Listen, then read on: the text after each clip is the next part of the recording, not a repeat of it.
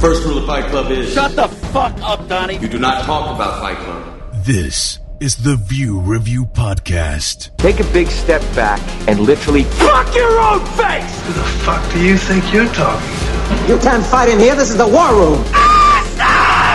Yippee-ki-yay, motherfucker. Turn it up! Turn it up! Velkommen til The View Review Podcast, episode 32, Opstigning og Butikken på Hovedgaden. Jeg hedder Kuno, og jeg har sammen med manden i sofaen, The Couch Killer himself, Christian Couchkiller, også bare kaldt CK. Hej, hej, hej. Velkommen tilbage fra ferie, CK. Mange tak. Er du spændt op til at snakke lidt om film? Det er jeg. Det er jeg. Jeg er helt klar.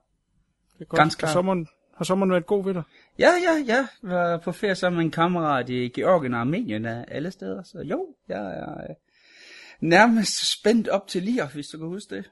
Øh, ja. Jeg vil helst ikke tænke på det lige nu, men det er i orden. Du har måske også fået tid til at se lidt film i ferien. Ja, Du kører bare. og jeg vil jo starte med at, at snakke om noget, som I to også var omkring. Fargo. Ja. Og jeg er 99%, 99% enig med, at I det er en fantastisk tv-serie. Øh, rigtig, rigtig cool, lægger rigtig godt op til, øh, til filmen. Man kan godt se, at øh, hele den der øh, konske ånd, den, øh, den er over det. Men jeg har en lille, lille, lille bitte ting, der, øh, der irriterer mig. Øh, det er, det er Marlo-karakteren. Altså, Bilbo Bob han spiller fantastisk. Den karakter, han er... øh, Jeg synes ikke, han er karakteriseret godt nok. Altså, det er som om, de har skabt øh, en, en, en skurk, der bare skal være mega sej, uanset konsekvenserne, og det så gør, at hans karakter bliver lidt inkonsistent. Øh, du har den her øh, næsten Anton Sigurske øh, scene. Øh, Sigurd han var jo øh, skurken i No Control, men ham der er fuldstændig ligeglad med det hele, med den her sindssyge moral. Øh, hvor han går ind på det her kontor, tager den her mand ved slipset, øh, slæber ham ud, mens der er masser af vidner og, og kameraer og det hele, og han er fuldstændig ligeglad og totalt kold, kynisk, og man kan bare se, det er en, en skurk, som øh, doesn't give a shit. Og det synes jeg, det er fint. Altså det, øh, det er også en, en, en virkningsfuld skurk. Men så på den samme tid, så går de også som den her ultra intelligente øh, mand, som jo genskaber Bibelens 10 plager. Øh, og så sidder man jo der og tænker, hold da op, er det samme person? Altså, han er, øh, det er en, en karakter, jeg synes, har mange forskellige øh, facetter, måske for mange facetter til, at de lige spiller sammen hele tiden. Altså, der, der kunne man for min skyld godt have været lidt skarpere på manuskriptplanet. Og så vide, hvad er det egentlig, man ville med den her karakter. Stadigvæk, øh, Bill Thornton spiller ham øh, perfekt, og jeg synes også, han er en god skurk. Men det irriterede mig lidt, mens jeg, øh, mens jeg sad og så den. Men nu så jeg også serien på, på to dage, så hvis man har haft en uge imellem hver afsnit, så kan godt være, det ikke irriterede en lige så meget, som det gjorde der. Men det, lige, det var det eneste, der, der, jeg synes, der lige sådan. Ellers er resten det var perfekt. Jeg, jeg ved ikke, om det irriterede mig, men, men jeg tænkte da undervejs, øh, hvordan han var i stand til at kunne de her forskellige ting. Altså for eksempel det, hvor han pludselig dukker op som tandlæge. Var han udlært tandlæge i forvejen, eller hvordan blev han pludselig det? Og, og vi hører også, at han er præst på et tidspunkt.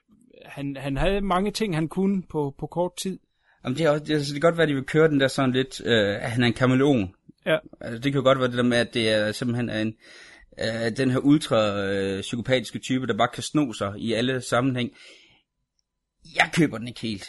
Så. Men altså stadigvæk, øh, jeg er helt enig med, at jeg varmt anbefaler den. Fantastisk tv-serie. Det var bare lige det eneste lille ting, der øh, jeg havde imod den. Ellers så er jeg fuldstændig enig.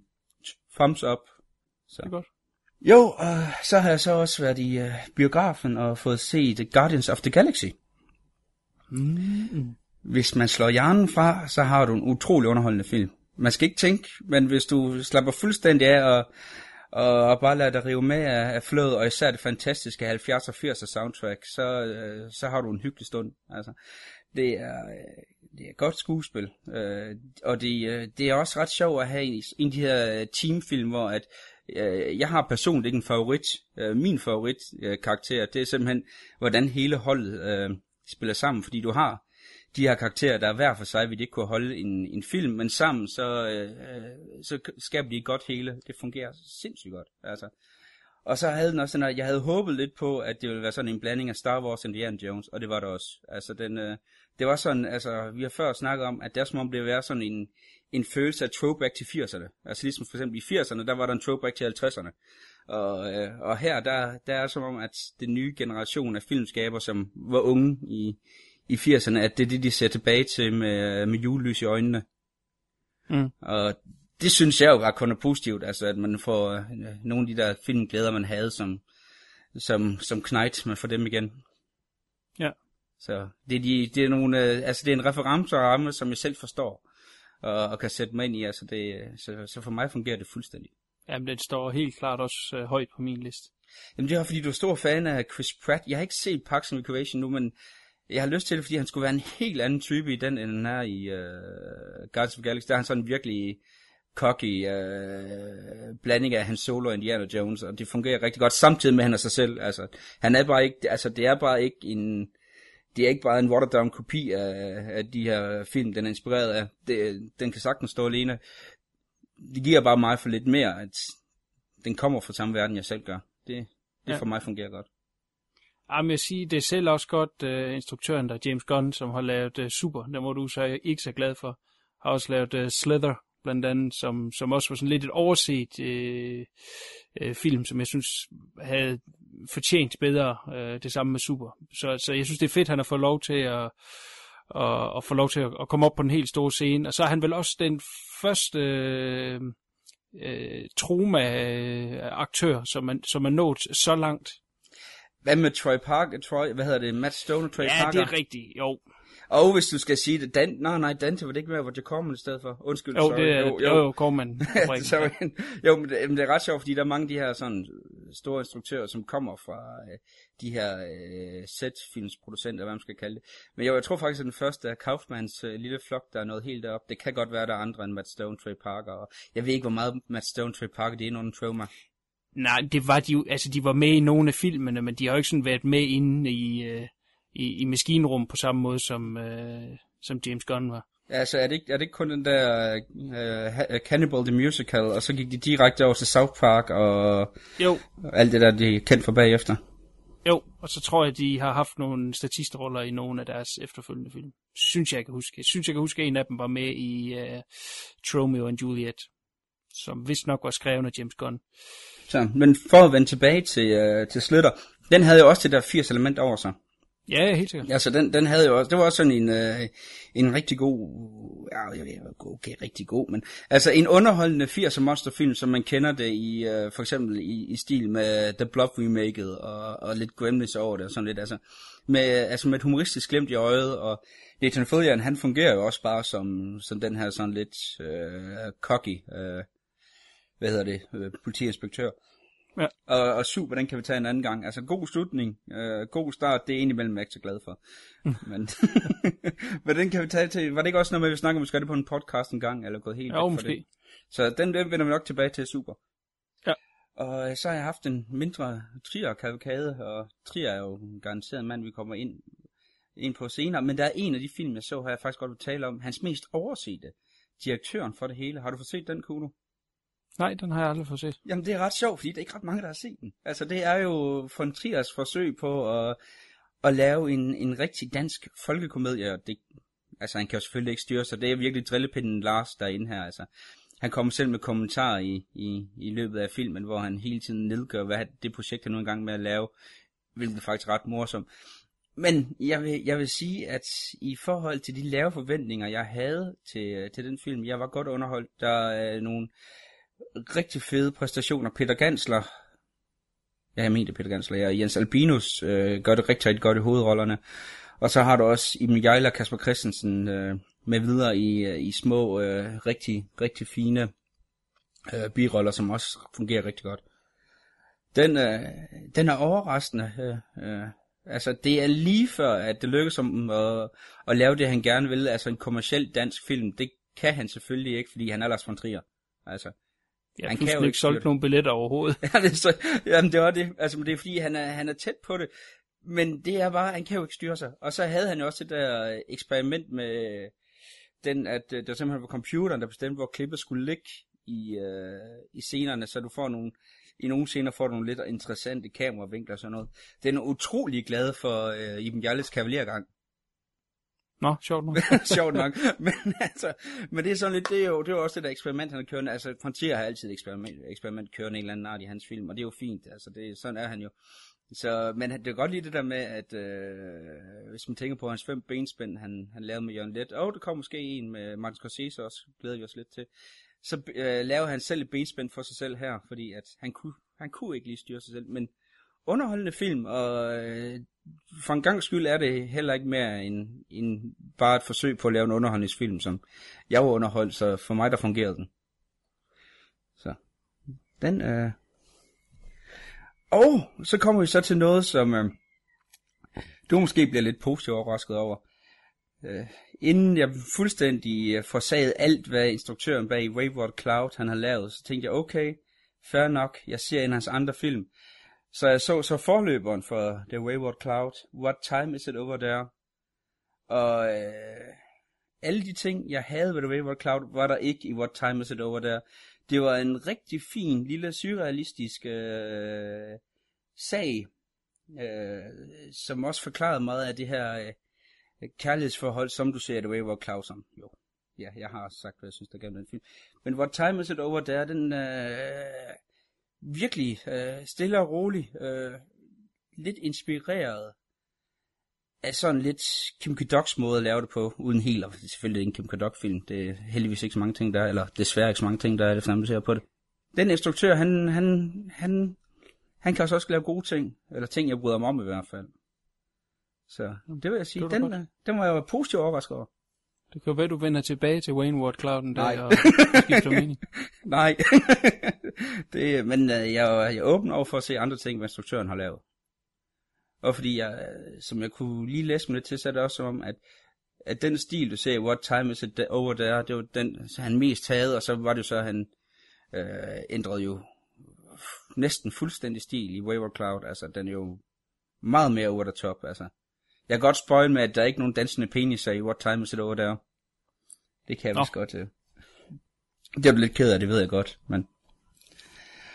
Så en... Øh, nogle gange så falder man bare over noget, der er så sært og spacey, at man simpelthen er nødt til at snakke om det. Øh, har du hørt om den, der hedder The Wiz? Det er en 70'er øh, ghetto musical version Ja. af The Wizard of Oz, instrueret af ja. Sidney Lumet. Ja, jeg har også set. Ej, jeg var... Ja. altså, jeg, altså, du har en meget ung Michael Jackson i en af hovedrollerne som... Øh, øh, hvad hedder det? Fuldskramsel. Og det er jo meget fint. Men... Ej, hvor er det rodet. Og han er bare den fuldstændig forkerte instruktør. Altså, manden har jo lavet fantastiske film som... Som Sergi, uh, Serpico og Dog Day Afternoon og Find Me Guilty og Network. Altså, rigtig god instruktør, i vild med ham. Men han, altså, der skulle man måske have, have fundet en instruktør med en anden baggrund end hans, som ikke gjorde det så over the top. Altså, ja, det, øh, altså det her storbysmiljø, hvor de render rundt med spray på det hele, og det hele er øh, byttet ud med, altså det Yellow Brick Road, det er gule taxaer i den her, for eksempel. det, for mig fungerer det bare ikke. Altså det er, det er jo utrolig sært at se, og især med det talent, der er involveret, så havde jeg forventet lidt mere. Men hold da op, det er noget, jeg er nødt til at anbefale, fordi man kommer ikke til at se noget lignende nogensinde igen. jeg ved ikke, om du, om du kan huske den, hvor lang tid Jo, er. jo, øh, svagt. Altså, jeg kan huske, det var noget, man så tilbage i, i, i 80'erne, som øh, allerede dengang virkede som rodebutik. Altså virkede ja. Ikke som et helt stykke film, og ikke noget, jeg har lyst til at, at røre ved igen. Det, det er også en af de der ting, man ser én gang, og så behøver man ikke se det igen, men efter man har set den en gang, så tænker man også, hold da kæft, det var sært. Nå, så det var, øh, det var lidt det, jeg havde for, for den her gang. det var godt. Det var en øh, begrænset Onkel CK i dag. Jamen, det var også, altså, de der 150 film, jeg har set øh, siden sidst, det går lidt lang tid, så jeg skal igennem det hele jo. okay, okay. Godt, jamen øh, så vil jeg kaste mig på banen. Øh, jeg vil vende en film, som øh, dig og fluen var i biografen at se for øh, en rumtid siden. Gravity har jeg endelig fået mig set. Og det var, det var lidt en blandet fornøjelse, fordi øh, på den ene side, så var jeg jo blæst væk over teknikken. Det, det, det visuelle 3D'en der er jo fantastisk. Øh, de har jo ventet på at lave den her film, indtil det teknisk kunne lade sig gøre, altså indtil teknikken ligesom indhentede deres øh, idé om, hvordan den skulle laves, og hvordan den skulle se ud. Og øh, det er jo et øh, mesterstykke øh, i det visuelle og, og, og udførelsen der i og opfindsomheden i, i altså der er jo lavet mange rumfilm igennem årene, eller øh, i hvert fald forsøger på, og, og her der kan man sige, der prøver de øh, at lave noget helt nyt, både visuelt og, og, og måden man bliver trukken ind i filmen på, selvfølgelig via øh, 3D'en, øh, er jo sindssygt godt lavet. Men det værende sagt, så når vi kommer til, hvad der er indhold i filmen, hold nu kæft, mand. Det er godt nok tåbeligt. Det er, godt, det er virkelig en tåbelig film på alle lederkanter. Jeg ved godt, at det kan lade sig gøre, øh, og, og er et skrækscenarie for øh, alle, der har noget med øh, satellitter og rumfart at gøre, er jo, at der kan komme det her øh, debris, som, som simpelthen vil blive slynget rundt om øh, jorden. i øh, Det kan køre der i årtier, og, og, og kan smadre samtlige satellitter, vi har deroppe. Så er det slut med øh, øh telefoner og ja, Facebook, som de siger i filmen. Men, men det værende sagt, så øh, altså, hvis man ved lidt om rummet og det at befinde sig deroppe, og, og man har set nok Discovery Channel til det, så er der simpelthen så meget, der er tåbeligt dag. Plus, hold kæft, hvor er den klichéfyldt. Altså på alle tangenter. Øh, øh, hun kommer ind i den kinesiske rumfærge. Hvad er det det første, der flyder rundt der? Ja, det er et bordtennisbat. Om for satan. Uh, det er simpelthen for tåbeligt, ikke? Der er alt for mange tilfældigheder, der lige falder ud til... Jeg kan godt se, at man laver en spændingsfilm om noget, hvor der egentlig ikke er noget. Altså, der er ikke nogen skurk eller noget. Men, men man kan altså godt lave en film om, om ingenting, som, som stadigvæk kan være spændende. Nu nævnte jeg sidste gang den, der hed uh, uh, Lock som man kan jo sige på mange måder egentlig er meget lige den her, hvor i Gravity er vi inde i et spacesuit, og hun flyver ud i ingenting, og i, i Lock er det en mand inde i øh, en bil, øh, isoleret. Men øh, shit, mand. Jeg, jeg synes, den var hård at komme, komme igennem. Der var mange ting, der, som var spændende, helt sikkert, og medrivende, men, men det er jo teknikken, der hiver mig ind i det, og, og det er med teknik, fordi jeg har lidt interesse i det tekniske, hvordan laver det der og sådan noget, der nok gjorde, øh, at jeg ligesom blev holdt der, og, og jeg var interesseret i at se 3D. Men øh, for satan, mængde af tåbeligheder. Øh, jeg, jeg kan ikke forstå, hvorfor den her film er blevet hyldet så meget, som den er, øh, anden det tekniske. Det, det må jeg sgu godt nok indrømme. Jeg var skuffet. Silence. Øh, jeg kan jo kun, altså de ting, som, øh, som du siger, og som du kritiserer filmen for, kan jeg kun give dig øh, fuldstændig ret i. Altså, men altså, jeg var, jeg var så fanget og så forblindet, at jeg ikke lå mærke til det. Jeg har før snakket om det der med, for eksempel med, med thrillers og den type film, at, at de har jo indbygget i sig altid en vis level of øh, dis, øh, hvad hedder det, uh, suspension, man lige skal, disbelief, ja, man lige skal ud over, at der er simpelthen nogle ting, man skal... Hvis en film er godt nok lavet, så ignorerer man tåbelighederne. For mig var uh, Gravity godt nok lavet til, at jeg fuldstændig ignorerede tåbelighederne. Jamen, jeg synes bare, man får så mange lusinger af, af, af, af tåbeligheder øh, på en underlig måde opstillet, som jeg slet ikke kan sætte øh, øh, Caron øh, i forbindelse med normalt, der er jo øh, intelligent instruktør, ikke? men her, hvordan det er sat op på så øh, overkarikeret en måde, ikke? Der, hvor der, der er en af, de er jo tre øh, astronauter til at starte med, hvor den ene så dør. Øh, hun skal så gribe ham i rum for, øh, at gå ud fra, at de skulle have med hjem. Og så ser hun, at hans, hans hoved er smadret, og så får vi virkelig skal føle med ham, så er der, øh, har han et billede af hans familie, som han har uden på hans dragt. Hvem fanden har et billede af sin familie uden på sin rumdragt? Det er jo kun, det er kun placeret der, for at vi kan sidde og sige, åh, nej, han har en lille pige, der venter derhjemme.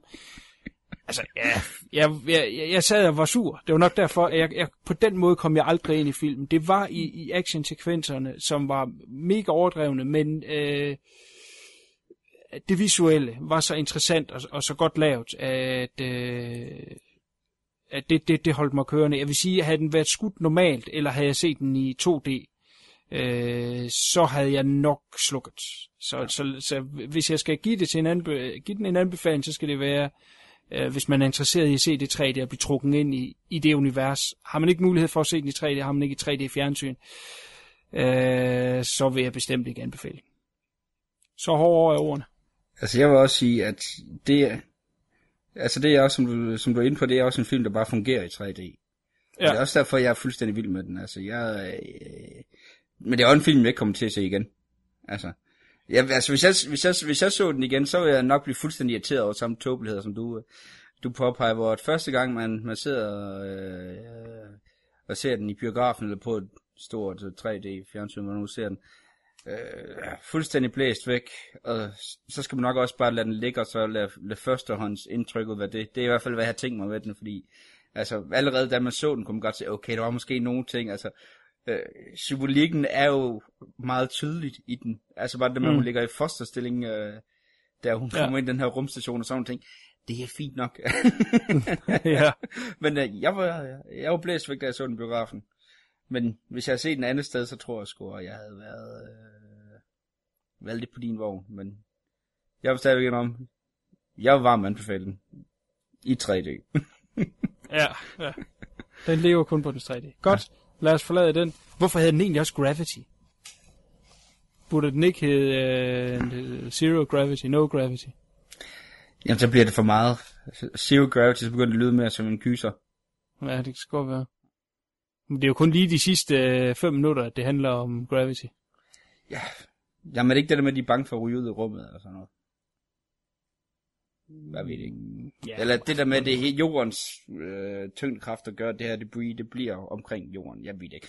Det kan godt være, at det er det der med, at simpelthen jordens tyngdekraft, der gør, at det her det bliver en... Øh, pas. Så, så, meget øh, de har astrofysik, brugt mere tid der- på at tænke over titlen, end de havde på at lave manuskript. Godt, fuck den. Uh, jeg bevæger mig videre til en film, som uh, også skuffede mig. som hedder Blood Ties. Som er instrueret af en mand, hvis navn jeg ikke skal slagte. Han er fransk mand, men det er ham, der har lavet uh, Tell No One. Har set den. Ja. Som jeg synes var en ret fed uh, fransk thriller. Det, er, det var en af de der thrillers der, hvor at jeg kunne ikke se bort for tåbelighederne. Rigtig flot filmet og sådan nogle ting, men, men det var sådan lidt, at, at jeg synes, den er for mange plothuller. Men den er sindssygt populær, der er rigtig mange folk, der, der elsker den. Så øh, det er heller ikke en, en film, jeg snakker sindssygt ondt om. Det var bare ikke lige min type. Nej, jamen altså, det, ja, det, der er selvfølgelig huller i den. Det, det vil da være i sådan en type thriller, som, som den er, øh, med sådan en setup. Men, men er man til det, så, så synes jeg sgu, den, den var spændende nok. Øh, men anywho, øh, den har da gjort godt nok indtryk til, at øh, da den her kom, så ville jeg gerne tjekke øh, ud, hvad han kunne lave her på, på amerikansk grund, og det gør han sammen med øh, James Gray, som har været med til at skrive manuskriptet, og så også produceret den. Så jeg synes, det lød øh, spændende. Øh, har Clive Owen og øh, Billy Cutdrop i, i hovedrollerne. Men der stopper det positivt sådan set også, fordi det er helt tydeligt, at han gerne vil lave en film ala James Grays film. Altså han ville gerne have, at den skulle være ligesom uh, We Own the Night, The Arts, uh, uh, Little Odessa. Den, den har det look og det feel, men uh, den er så heavy-handed, at det er... Den, den, den fænger på ingen måde og er ultimativ øh, uinteressant.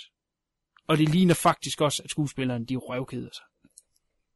Så, så den, for, den vil jeg sige, den falder på dask på maven. Desværre, fordi det er lige sådan en type, jeg godt kan lide. Øh, som har, den foregår også der i slut 70'erne, start 80'erne. Så, så, og den har det her look og, og, og feel af, af den type film, som de lavede dengang, når de skulle lave sådan nogle øh, ja, crime thrillers. Det er, Drama. jo, det er jo det, James Gray, han, han gør jo. Ja, Det er jo han, han laver jo de her ufattelige, øh, flotte 70-inspirerede øh, crime thrillers, som, altså We Own the Night var faktisk ret cool. Ja, lige nok det. Og man kan ikke lade være med at sidde og tænke, for helvede, hvis jeg nu bare selv havde sat sig i den instruktørstol, så var der kommet fed film ud af det. Nu er der bare kommet et eller andet mellemprodukt ud, som, som vil blive glemt hurtigere, end man nærmest ser det. Skuffende, skuffende. Godt, så vil jeg bare lige øh, afslutte øh, et lige nap en, som øh, jeg havde set for øh, flere år siden, og, og et, et, et gensyn simpelthen glædet mig over, at nogle film rent faktisk godt kan holde, øh, og ikke kun er, er hvad der var i rent, erindringerne, som, som holdt den op. Det er Tourist Trap fra 1979, har du set den? Nej, det har jeg ikke. Det, var, det, det kom lige så mange andre øh, øh, turistfilm. Jeg, lige- jeg skulle lige... Øh, nej, jeg skulle lige, jeg skulle lige, jeg skulle lige sortere hjernen. Nej, den, øh, den, nej. der, det ved godt, der er de der øh, millionfilm, man lige skal igennem, hen man lige sådan kan. Nej, den er... Ja, det er ikke, det er ikke ligesom de der TV Chase Summer Vacation. Ej, men jeg Øh, tænkte hvis- op The Parent du- Trap, den der med Nå, Lohan som åh, gud, gud. Altså, det var lige, jeg skulle lige, jeg skulle lige ud over alt det der. Sådan nogle film må du ikke nævne på det her cast. Nej, det her det er en ret fed uh, horror thriller med Chuck Connors i hovedrollen, sjovt Uh, ja. nok. Øh, han gjorde sig jo i westernfilm, men sådan i, i, i den slutning af hans karriere, der, der, der var han med i mange forskellige ting, som var, som var lidt anderledes. Blandt andet Airplane, en Airplane-film er han også med i. Men, men her i, der spiller han faktisk øh, ret cool. Han den her mand, som har det her, hvad hedder sådan noget, sideshow, øh, øh, attraction, som, som har ligget ved en gammel landevej, som nu er lukket, så er der kommet en eller anden ny motorveje, og derfor kommer der ikke noget trafik forbi. Øh, men alligevel så får øh, nogle unge mennesker forviklet sig der ned, og, øh, og så går deres bil i stykker, og så kommer han så som sådan den, den, den, den flinke mand, og som skal hjælpe dem. Øh, og de kommer så ind og besøger det her øh, attraction, han har, som er de her mannequin-dukker, som, som ligner rigtige mennesker. Han fortæller så, at det er hans bror, der har lavet dem, som, som kunne lave de her fantastiske ting, og som var god til at lave øh, animatronics og alt sådan noget der. Øh, men, men nu er det bare lukket, og nu bor han bare der sammen med hans bror, som er i, i, i sådan en mansion ved siden af. Og så er den jo ligesom alle andre teenagefilm, kan man sige, man kender i dag, men den er fra 79, så det er stadigvæk sådan lidt nyt øh, grund dengang, og der er masser af fede scener der. Den er faktisk rigtig creepy. Øh, det er David Schmøllers debutfilm, hvis det navn, det siger der noget. Absolut Men- ingenting. Nej, okay, men du har nok hørt om øh, Puppet Master. fra Puppet Nå, er det ham, der står bag en Puppet Master-serien? Ja, den første. Første, okay. Jeg har kun, jeg har kun set den første.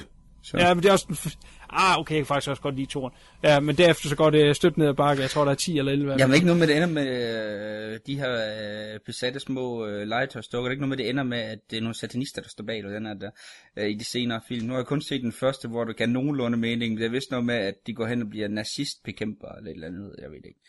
Jeg læste nogle plot øh, Jamen, øh, nej, det er jo allerede øh, etableret i den første øh, Puppet Master, at, at øh, ham, hvad fanden hedder han, Toulon, André Toulon, ja. der, der har lavet de her dukker, øh, lavet dem under 2. verdenskrig. Så der er allerede der noget med, med nazister. Jeg tror, det er træerne, som decideret har, har foregået under 2. verdenskrig. Jeg skal knap nok huske det.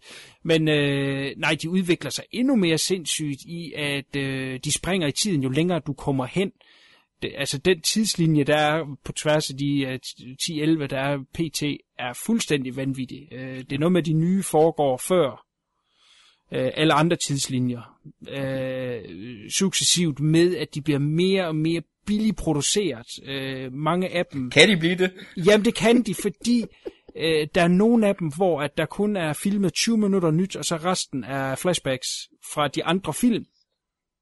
På trods af, at de har en løbetid måske på 80 eller 90 minutter, ikke? Så er der måske kun 20 minutter, der er nyt, og resten det er flashbacks. Det er Ja. ja. sat med hårdt at komme igennem. Jamen, det er også noget med, at de har lavet en crossover med Toyman. Jo, Jo. eller var det Demonic Toys? Jeg kan sgu ikke huske det. Der er ja, så det, meget. det, men. Altså, ja, Toyman, var det ikke ham der øh, fremtidsstrømmer, der blev om, jo, også blev om til sådan en lille store bitte- pistol der. Ja. Ja, så, hvor du også har sådan en, en lille legetøjsdukke, der render rundt og leger stor politibetjent. Jeg kan ikke rigtig huske den, men jeg, jeg kan huske, at jeg grinede af den. Jeg tror, den er ring, men, Den er ring. jeg grinede af den i hvert fald. Og hvis Det- jeg griner det- af en film, så er det ikke altid positivt. Nej, det er en sindssyg mand, som hedder, øhm, som hedder Charles Band, som er, øh, har det her firma, der hedder Full Moon, Full Moon Production, som har lavet det avreste lort i så mange år, men det har et kæmpe following, og, og han kan næsten ikke gøre noget forkert, øh, øh, og han spiser folk af bare med de værste film, man kan forestille sig, og alligevel så, så sælger det, det er ret utroligt. Øh, men i ny og næ har der været noget godt, jeg kan godt lide den første Puppet Master, men øh, hvor fanden kom ind på Puppet Master? Nå, David Schmøller, ja, øh, Tourist Trap er hans første film, men, men øh, derudover kendt for Puppet Master, så har han også lavet den her Crawl Space med Klaus Kinski, hvis du har set den. Ret fed Nej, det har jeg heller ikke. horror thriller. Jamen, den er faktisk øh, super cool. Ja. Og så har han fået ørerne lidt i maskinen. Øh, for et år eller to siden, der lavede han en film, der hed øh, øh, Little Monsters, som er øh, baseret på øh, de der to teenage-drenge, der, der bortførte en baby i England og, og slog babyen ihjel. Ja.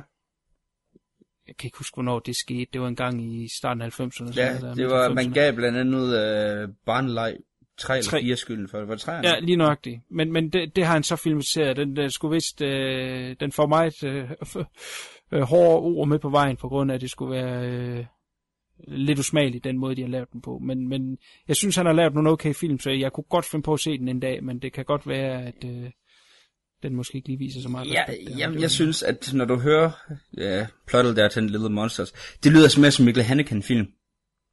Altså i hans, hans tidlige periode, for eksempel, hvor han lavede Benny's Video øh, og, ja. Ting af den. Altså hans, det er altså en form for øh, social kritik, som hans film i hvert fald er ejet meget af i starten af hans karriere, som også ja, virkelig skinner igennem i øh, blandt andet De Hvide Bånd og Amour. Men så- der snakker du også om en instruktør, som er... Øh, ja, Ja, han kunne nok lave den, hvor jeg tror, at han man kunne skal... nok godt lave den og slippe sted med det. Med al respekt for David Schmuller, så... Jeg tror jeg sgu øh, ikke, han er... Han er nok ikke i den liga, Altså, nej. altså det, det er sådan noget, det, det er, hvor du skal have en mesterinstruktør til, og det øh, kommer vi også øh, lidt ind på, når vi snakker om vores holocaust-film senere. Så, Ja. så det er jo sådan lidt, altså hvor man, hvor man sidder lidt da du fortæller så lidt, hvor jeg sidder og tænker, det kunne være en fed Mikkel Haneke-film. Ah, med den instruktør er nok næppe. Ja, ej. Men øh, ja, hvis jeg får den set, skal jeg nok lige vende tilbage og give et, øh, et recommend. Men altså, hvis du en dag falder over den der crawl space med Klaus Kinski. Jamen titlen siger mig noget, det er, kan det passe til en 495, 4, undskyld, 485 film? Det er omkring lidt Jeg tror faktisk lidt senere, det er Mhm. noget af hans aller sidste. Jeg tænker måske 87-88. Jamen, jeg mener, jeg har stødt på den. Jeg har ikke set den, men jeg faldt over den et eller andet sted. Det kan godt være, den er på en af Netflixerne. Jeg får lige tjekket i hvert fald. Jamen altså ganske kort, øh, Klaus Kinski har et, øh, en opgang, som han øh, ejer, og så leger han lejligheder ud, og dem vil han selvfølgelig gerne lege ud til smukke unge piger. Og så kravler han rundt i øh, ventilationssystemet og, og udspionerer dem. Og så har han også et hemmeligt rum, hvor han laver ting ind, som jeg ikke skal øh, nævne her. Det er Klaus Kinski på øh, slap line øh, i- hans vanvid, om man vil, fordi at han er rimelig sindssyg. Jamen, når den mand kan, så er det jo at spille Jamen, det det. vanvittigt sindssygt. Altså, det er jo det der med, altså, han er jo også, hvad hedder det, Van Herzogs yndlingsfjende. Ja.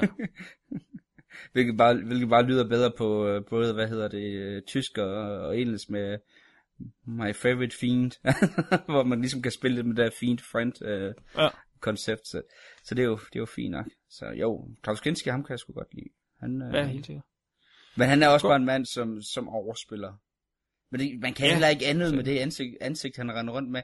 Han ligner jo sådan en gargoyle-agtig ting. Altså, han er fandme ikke særlig køn. Nej, Nej, nej, Men det er noget skuespiller, det skal han have. Ja, for satan. Og ham kommer vi til at støde på mange gange fremover, det er jeg helt sikker på. Det glæder jeg mig til. Godt, så vil jeg bare øh, ganske kort nævne en, en, en tv-serie, jeg stødt på, der kører på en af DR's kanaler. Det, det kan være, du har set den også, der hedder Ripper Street. Jeg har prøvet. Jeg har fået den meget anbefalet nogle af mine venner, der, øh, der rigtig godt kan lide den. Jeg faldt i søvn til første afsnit, og så har jeg ikke vendt tilbage til den senere. Det virker okay. Som om, at den faktisk godt kan være rigtig, rigtig fed. Øh, Jeg vil sige, at første afsnit er, er sgu nok det fedeste, umiddelbart af det, jeg har set indtil nu. Jeg er sådan øh, næsten igennem første sæson. Øh, hvor nogle af historierne godt lige kan øh, variere lidt i, hvor interessante de er efterfølgende, men den første er super fed, som sætter historien op. Øh, ganske kort, den, den foregår i det der øh, del af London, der hedder Whitechapel, som er meget fattig og meget øh, hervet af kriminalitet. Og så er det i en periode efter øh, Jack the Ripper, og han blev jo aldrig fanget, så der er den her frygt for, øh, øh, hver gang der sker et mor, øh, om, om det kunne være ham. Og der er så nogle kvinder, der dukker op, som er blevet øh, ja, meget øh, medtaget. Og øh, så er der den her politimand, som vil øh, undersøge det noget mere grundigt end andre, inden de blæser det op som, at det er Jack the Ripper. Og, og, og der allierer han sig med en øh, amerikansk øh, læge, øh, som han prøver at få på hans team, og så har han så også en sergeant, som er øh, sådan hans, hans tro øh, hvad, følge igennem øh, afsnitten. Og det er så det, de, de tre, der sådan går igen øh, fra afsnit til afsnit, hvor de så er ude på forskellige sager. Der er så nogle af sagerne, som ikke er så spændende igen, men, men øh, ja, den, den ender helt sikkert på plussiden, men første afsnit, der er super fed, øh, helt sikkert. Jeg synes, det er imponerende, det. Øh, øh, den produktionsværdi, de får ud af, af, af de øh, locations og, og, og sets, de har fået bygget der. Det er selvfølgelig meget det samme, sådan, de samme gader, de går i og sådan noget der. De kan jo ikke rekreere en hel by. Øh, men, men jeg synes, det er øh, meget lovende. Jeg skal nok lige vende tilbage, når jeg når lidt længere ind, men mm. øh, jeg vil da i hvert fald lige give heads up, at, at, at der kører en fed serie der på, på, på det, er der er ved at holde øje med. Men der er også den, der hedder Whitechapel, som i hvert fald ligger på Netflix, og jeg ikke set. Det er jo sådan en moderne ting, som foregår i det område, som også handler om en moderne Jack the Ripper. Øh, skulle vist også være okay. Ellers så også en af de ting, som øh, jeg lå lidt mærke til i, i Ripper Street, inden jeg faldt i søvn, det var, at øh, rent stilistisk, så mindte den meget om øh, den, jeg har nævnt før, den der hedder Copper, den der foregår der i 1860'erne i, øh, i New York. Hvis du kan lide den der visuelle stil, øh, de her meget mørke, smalle øh, gyder og og gasbelysning. Så prøv også på et tidspunkt, når du får tid, hvis du får tid, og så kast over den, der hedder Copper.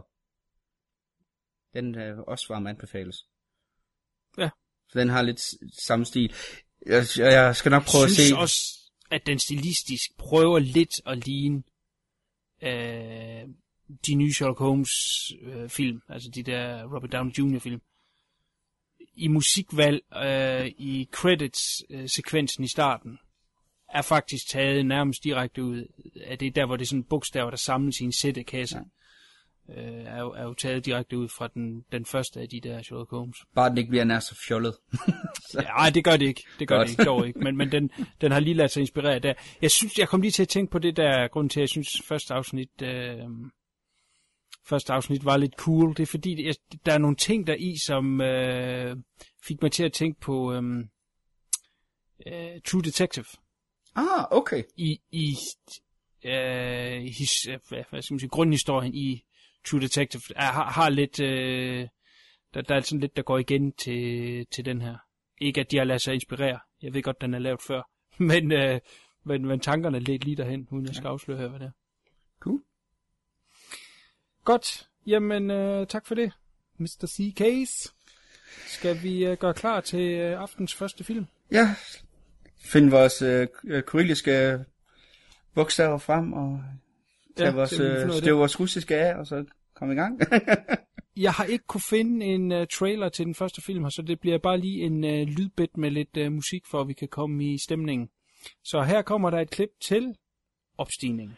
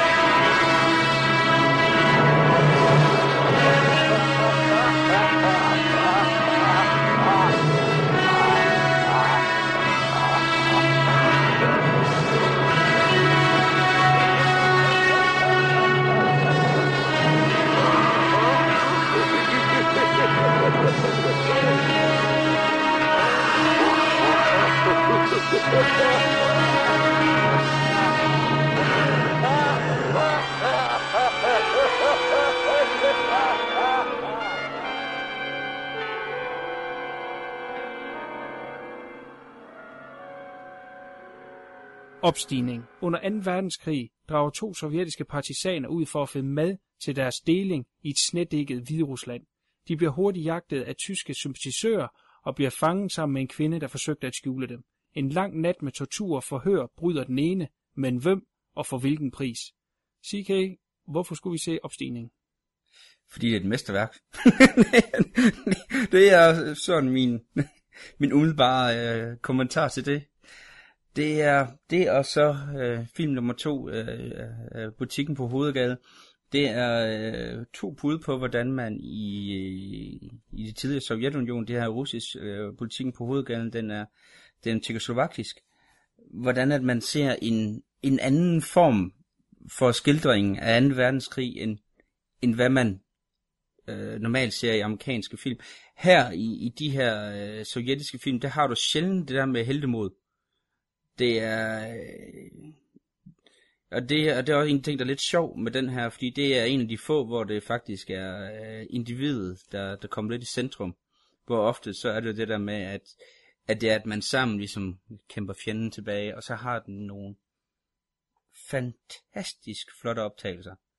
Altså sådan rent visuelt, øh, jeg sad lige og, og så den her kort, inden vi skulle i gang med, med optagelserne det her podcast. Jeg, jeg, jeg svømmer helt væk i de billeder der. Jeg, jeg, jeg forsvinder fuldstændig ind i, uh, i den skønhed, der, der ligger i det her uh, russiske, vilde russiske vinterlandskab. Jeg, jeg er fuldstændig forført af den. Så hvad, hvad er din holdning til den her overordnet? det er ganske kort.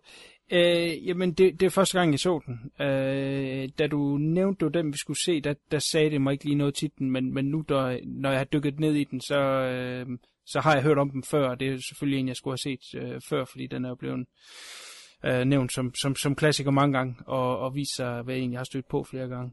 Øh, hvorfor den har øh, slået fra mig, det øh, kan jeg ikke svare på, og nu kan jeg kun beklage. Jeg var fuldstændig blæst væk over den her film og er meget benovet og taknemmelig over for, at CK har valgt at, at putte den på programmet her, fordi det er en, der skal øh, blæses ud til alle, så den skal vi lave stor reklame for i dag. Jeg er helt enig. altså, jamen, altså jeg, jeg kan ikke komme med rosen nok over den. den er, jeg er helt oppe på over den. altså, det... så.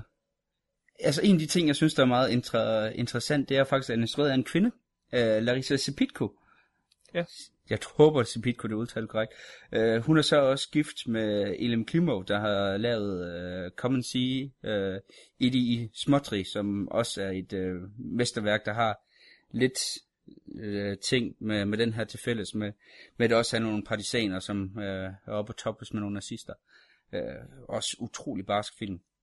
Hvor at en af de ting, der sådan lidt, at, at det er sjældent, man, man ser en, en kvinde, altså øh, lave noget så råt som det her. Altså det kan godt være, at det lyder fuldstændig sexistisk, og det undskylder jeg. Det er ikke, ikke, ikke sådan ment. Men man bliver stadigvæk sådan lidt, at i 1977, at, at du har en, en, en kvinde, der går hen og, og laver en, en, en film, som, ja, jeg har nævnt det før, ordet før, råt. Altså samtidig med, at du har de her øh, flotte øh, russiske vinterlandskab, som jo virkelig er den her hvide, golde tæppe her, og når man ser de her sort-hvide billeder, man føler virkelig bare kulden langt ind i benene. Jeg ved ikke, om du havde det på samme måde. Jo, helt sikkert. Altså, man, man sidder altså øh, her, øh, første gang jeg så den for en måneds tid siden, det var der, vi havde de der øh, næsten 30 grader. Jeg sad stadigvæk og frøs, da jeg så den. Altså, det siger jo noget om, hvor, øh, hvor meget den virkelig fungerer øh, på mig. Jamen, helt sikkert, og, og, og jeg synes ikke, at du er Øh, mandsjuvenistisk ved at sige, at, øh, at, at det kommer bag på dig, at en kvinde kunne gøre det, fordi der er flere ting i det, og selvfølgelig øh, på det her tidspunkt øh, var der færre øh, kvindelige filminstruktører, end vi har i dag, men samtidig øh, værende en, som sætter jo nye grænser for, hvordan man kan lave en film. Altså måden, øh, nu snakker vi om det, om det visuelle her, altså Øh, for uden at der er flotte billeder, så øh, bruger de de mindre kameraer, man begyndte at, der begyndte at dukke op i 70'erne, bruger hun jo skide godt ved at have dem helt inde. Øh, øh, altså på et tidspunkt kravler de her to øh, soldater her, de kravler igennem et krat øh, og, og, hænger, og de hænger fast i alle grene. Altså kameraet er med ind i det her krat og kravle igennem, så man bliver trukket med ind. Altså det, jeg vil da sige, at, at 1977 set over øh, hele verden på det tidspunkt, der, der var der sgu få, der skød film på den måde, i hvert fald sådan en genrefilm her. Jeg ved godt, der var nogle low-budget film, som selvfølgelig også brugte de små kameraer, og ikke lige havde råd til et stativ eller en, en, en dollyvogn, eller hvad det nu måtte være. Men, men øh, sådan en type film her, vil jeg sige, der ser man ikke sådan noget fotografering før 15, til 15 år senere. Så den er da også sådan visuelt øh, revolutionerende. Og så synes jeg da også lige, at man skal jo skrive bag øret, at vi er bag ved jerntæppet i Sovjet i 77, stadigvæk at, at, at give en kvinde ja, så meget rodrum alligevel til at lave det her, synes jeg er interessant og, og fantastisk. Ja, helt sikkert. Det, så det må jeg sige. Jeg, jeg har virkelig lyst til at se andre af Larissa Sepitkos uh, film. Hun nåede lige at lave et par stykker. Fire. Ja, hun nåede lige at lave fire. Ja, så, uh, hvor hun vil lave filmen efter den her, hvor hun så døde i en trafikuheld, som manden lavede den vist færdig. Ja. Uh, Elim uh, Klimov. Og det er også når man snakkede om, at efter konen døde, så var det, at han blev meget mørk og dystert, som for eksempel i de småtri, som jo er en af de mørkeste, mest modbydelige film, jeg nogensinde har set, men et mesterværk i sin egen ret. Jeg havde jo planlagt det, da vi skulle se opstigningen og i de småtri øh, sammen, men i de småtri, det er sådan en der film, jeg kun kan holde til at se en gang, fordi det er altså ligesom for tæv med knogjern. Det, altså, det, så, øh, så det, det er, øh, og det er også det, at øh, nu er jeg ikke helt øh, så meget tjek på øh, Larissa Sepitko, men Elem med Klimov, han levede de ting, som han, øh, han skildrede der i, øh, i de småtri. Og man har også lidt følelsen af, at Larissa Sepitko, hun også har oplevet de her ting lidt på egen krop. Man, man får lidt den der følelse, at det er, det er folk, der ved, hvad de snakker om. Ja. Yeah. Altså, det er samtidig med, det er øh, er så, er så kunstfærdigt lavet, selve det visuelle, så også samtidig med, at, at som, det bliver så beskidt og, og, og så råt i, især de her, den her korte uh, torturscene, der hvor det faktisk mest er det verbale del af den, der, uh, der gør mest indtryk. Det synes jeg faktisk, det er sindssygt godt at opnået. Altså det er en stor bedrift, den her film, det er det altså. Det... Helt sikkert. Skal vi lige uh, strejfe handlingen lige uh, 5 cm dybere, end jeg riset den op? Lad os det. Det er jo, øh, hvis vi siger, den er også sådan, det er lidt en etaper, den her film, fordi først så, så har du ganske, ganske kort ved, øh, ved de her øh, partisaner, og så er det så, hvor de skal skaffe til her mad, så så, de kommer hen til den her bondegård, hvor at øh, ejeren, han er jo øh, nazisympatisør, eller øh, ikke sympatisør, det er forkert ord, kollaboratør, altså samarbejder med dem, så han får nogle hårde ord på, på vejen, og han er jo også lige ved at øh, blive skudt af en af soldaterne. Øh, den erfarne soldat, Rybak, som øh, tager ham med ud bag, og så tror øh, konen jo så, at øh, han vil skyde øh, husbånden, fordi han har været rimelig hård over for ham i munden, den kære Rybak. Og så har du så den, øh, den unge soldat, lidt uerfarne Sonikov, som tydeligvis øh, er syg. Altså, man kan godt se, at han er hårdt ramt af influenza, måske noget, der er værre. Øh, hvad, han, øh, hvad han fejler for, vi får jo aldrig rigtig at vide. Men det gør, at han hele tiden har sådan en, en feberagtig glød over sig. Øh, og fantastisk godt skuespil, skal også lige siges. Altså, man, man virkelig fanger den måde, han portrætterer den her på. Altså, så han får virkelig sådan en, en aura omkring sig, fordi han har den her øh, feberting. Øh, hvor at konen og så ham, de så jo diskuterer lidt, og konen øh, bliver ved med at bede for ens mands liv, og man hører noget skud, men manden kommer ind, og han er ud. Øh, han er uskat, og øh, Rubak, han kommer sådan lidt grinende ind bag efter, og, og smiler lidt, og man kan godt se, at det er så nyt, det her øh, psykiske spil, han har kørt. Øh, samtidig med, at han jo også, som vi ser i den første kampscene, han er den erfarne, han er ham, som er den, den kolde, der har, der har styr på, den man reagerer i en, i en stresssituation, hvor den unge soldat, han er stadigvæk lidt uprøvet. Så derfor har man også ligesom sat de her to karakterer godt op over for hinanden.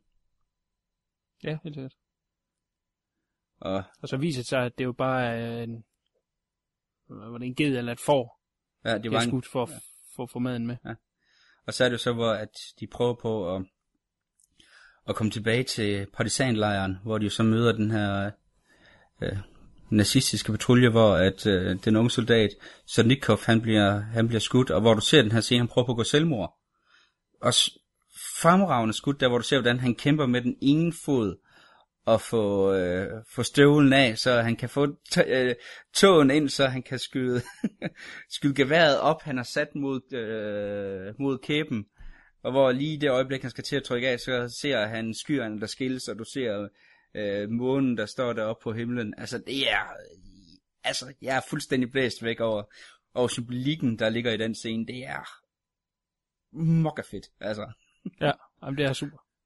Og, og det er også der, hvor man sådan virkelig bare begynder at, at blæst væk. Og så er det så, de prøver på at flygte fra øh, de her nazister, hvor du Ja, også... ham Rabeck kommer tilbage og henter Ja, ham, Rab- og, ja. og, har ham jo på slæb, og der er det jo så blandt andet, de kravler igennem det her krat. Ja.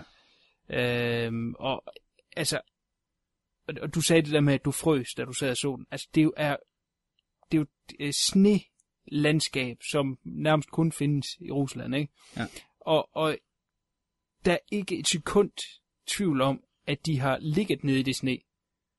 Og de bliver slæbt igennem den, og på et tidspunkt er han nærmest helt begravet af det. Det må have været et helvede at optage den her film. De må have frossen så sindssygt meget, at det er helt vildt. Der må virkelig have været en træls film at lave. Jamen, det kan jo godt være, at det ikke er skuespil øh, med øh, den unge soldat Snikov, at øh, han faktisk er syg. Altså, han er ramt af en, øh, en 40-graders influenza. Ja. 40-graders feber. Det kan sagtens være, altså, det vil ikke undre mig, fordi... Åh, uh. Men han er også parat til at, at, at, at, at lade sig blive efterladt og, og, og, og dø hen. Ja, altså han, er- han er jo sådan meget selvopoffrende i, øh, i den her scene ja. her. Og det fungerer jo rigtig godt.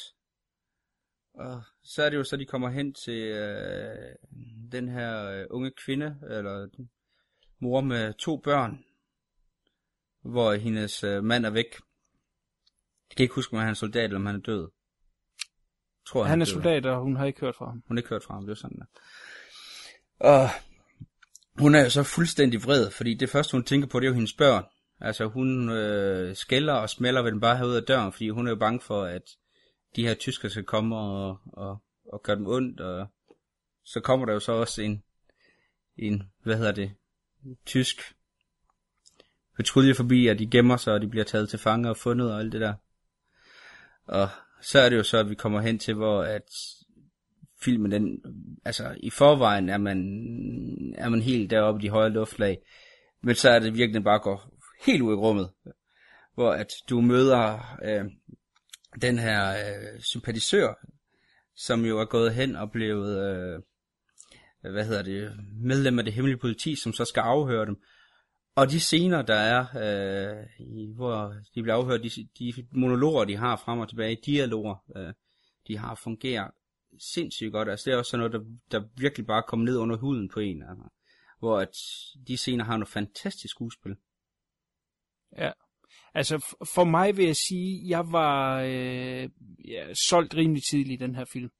Og, og, og, og med hele vejen. Men altså, det er, når de kommer til det her, den her lejr, eller hvad man kalder den, øh, det hovedkvarter. Det er der, den virkelig kommer i højeste gear.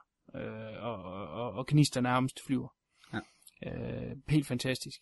Nu kan jeg ikke finde ud af at udtale hans navn, ham der, øh, der, der, der, der forhører dem, men det er en øh, Tarkovsky, øh, Andrei Tarkovsky, øh, alumni, om man vil. Han har været med i alle hans film. Hold kæft, han er altså også bare en fantastisk skuespiller. Ja, altså øh, Anatoly Solinitsyn. Altså når du ikke turde, så vil jeg i hvert fald prøve på at slagte det, og det lykkedes, og det lykkedes vist også meget godt. den er godkendt. Det du sagde. Men hans karakter hedder Portnoy, så ham, ham, det tager vi godt prøve på at udtale. ja, det kan vi godt. Men jo, altså det, øh, og han er jo, altså, øh, øh, han er jo en fantastisk skuespiller. Det, Ja. Ja. Og jeg vil sige, den, den karakter, han kommer med, som er øh, øh, måske i starten, man tænker, okay, det kan ikke gå så galt, når han er der. Øh, virker, pff, det er forkert at sige flink, ikke, men han virker som om, at øh, øh, når man nu skal øh, snakke med en for fjenden af, så var han måske den rareste at snakke med, så skifter det jo senere til... Øh, øh, at være totalt mobil, ikke? Og så har han altså også bare udseende, der bare lige passer ja. til, øh, til- til begge dele for øvrigt. Så øh, øh, fantastiske scener, der er der helt sikkert. Jeg ved ikke, hvor meget videre vi skal gå i med det, andet, end det, jeg måske lagde op til i starten. Det er jo, at de bliver forhørt omkring de her, øh, hvad, hvad, hvad deling kommer de fra, og hvor er resten af de her partisaner ja. hen. En af de to bryder ned. Øh, I hvert fald bliver man øh, for lidt til at tro. Jeg ved ikke, om vi skal lade den, lade den ligge der, for øh, jeg synes at folk skal opleve, Ja. hvad der sker i den sidste del af det, ikke? Fordi der kommer en konsekvens, det er der jo altid, er der en handling, er der en konsekvens, og det må man bestemt sige, der er i den her. Men vi kommer ind på slutningen, øh, når vi snakker om øh, butikken på hovedgade. Ja. Der, der, øh, altså der skal vi nok lade være med at sige, hvad for en af, af karaktererne, der bryder sammen og sådan noget.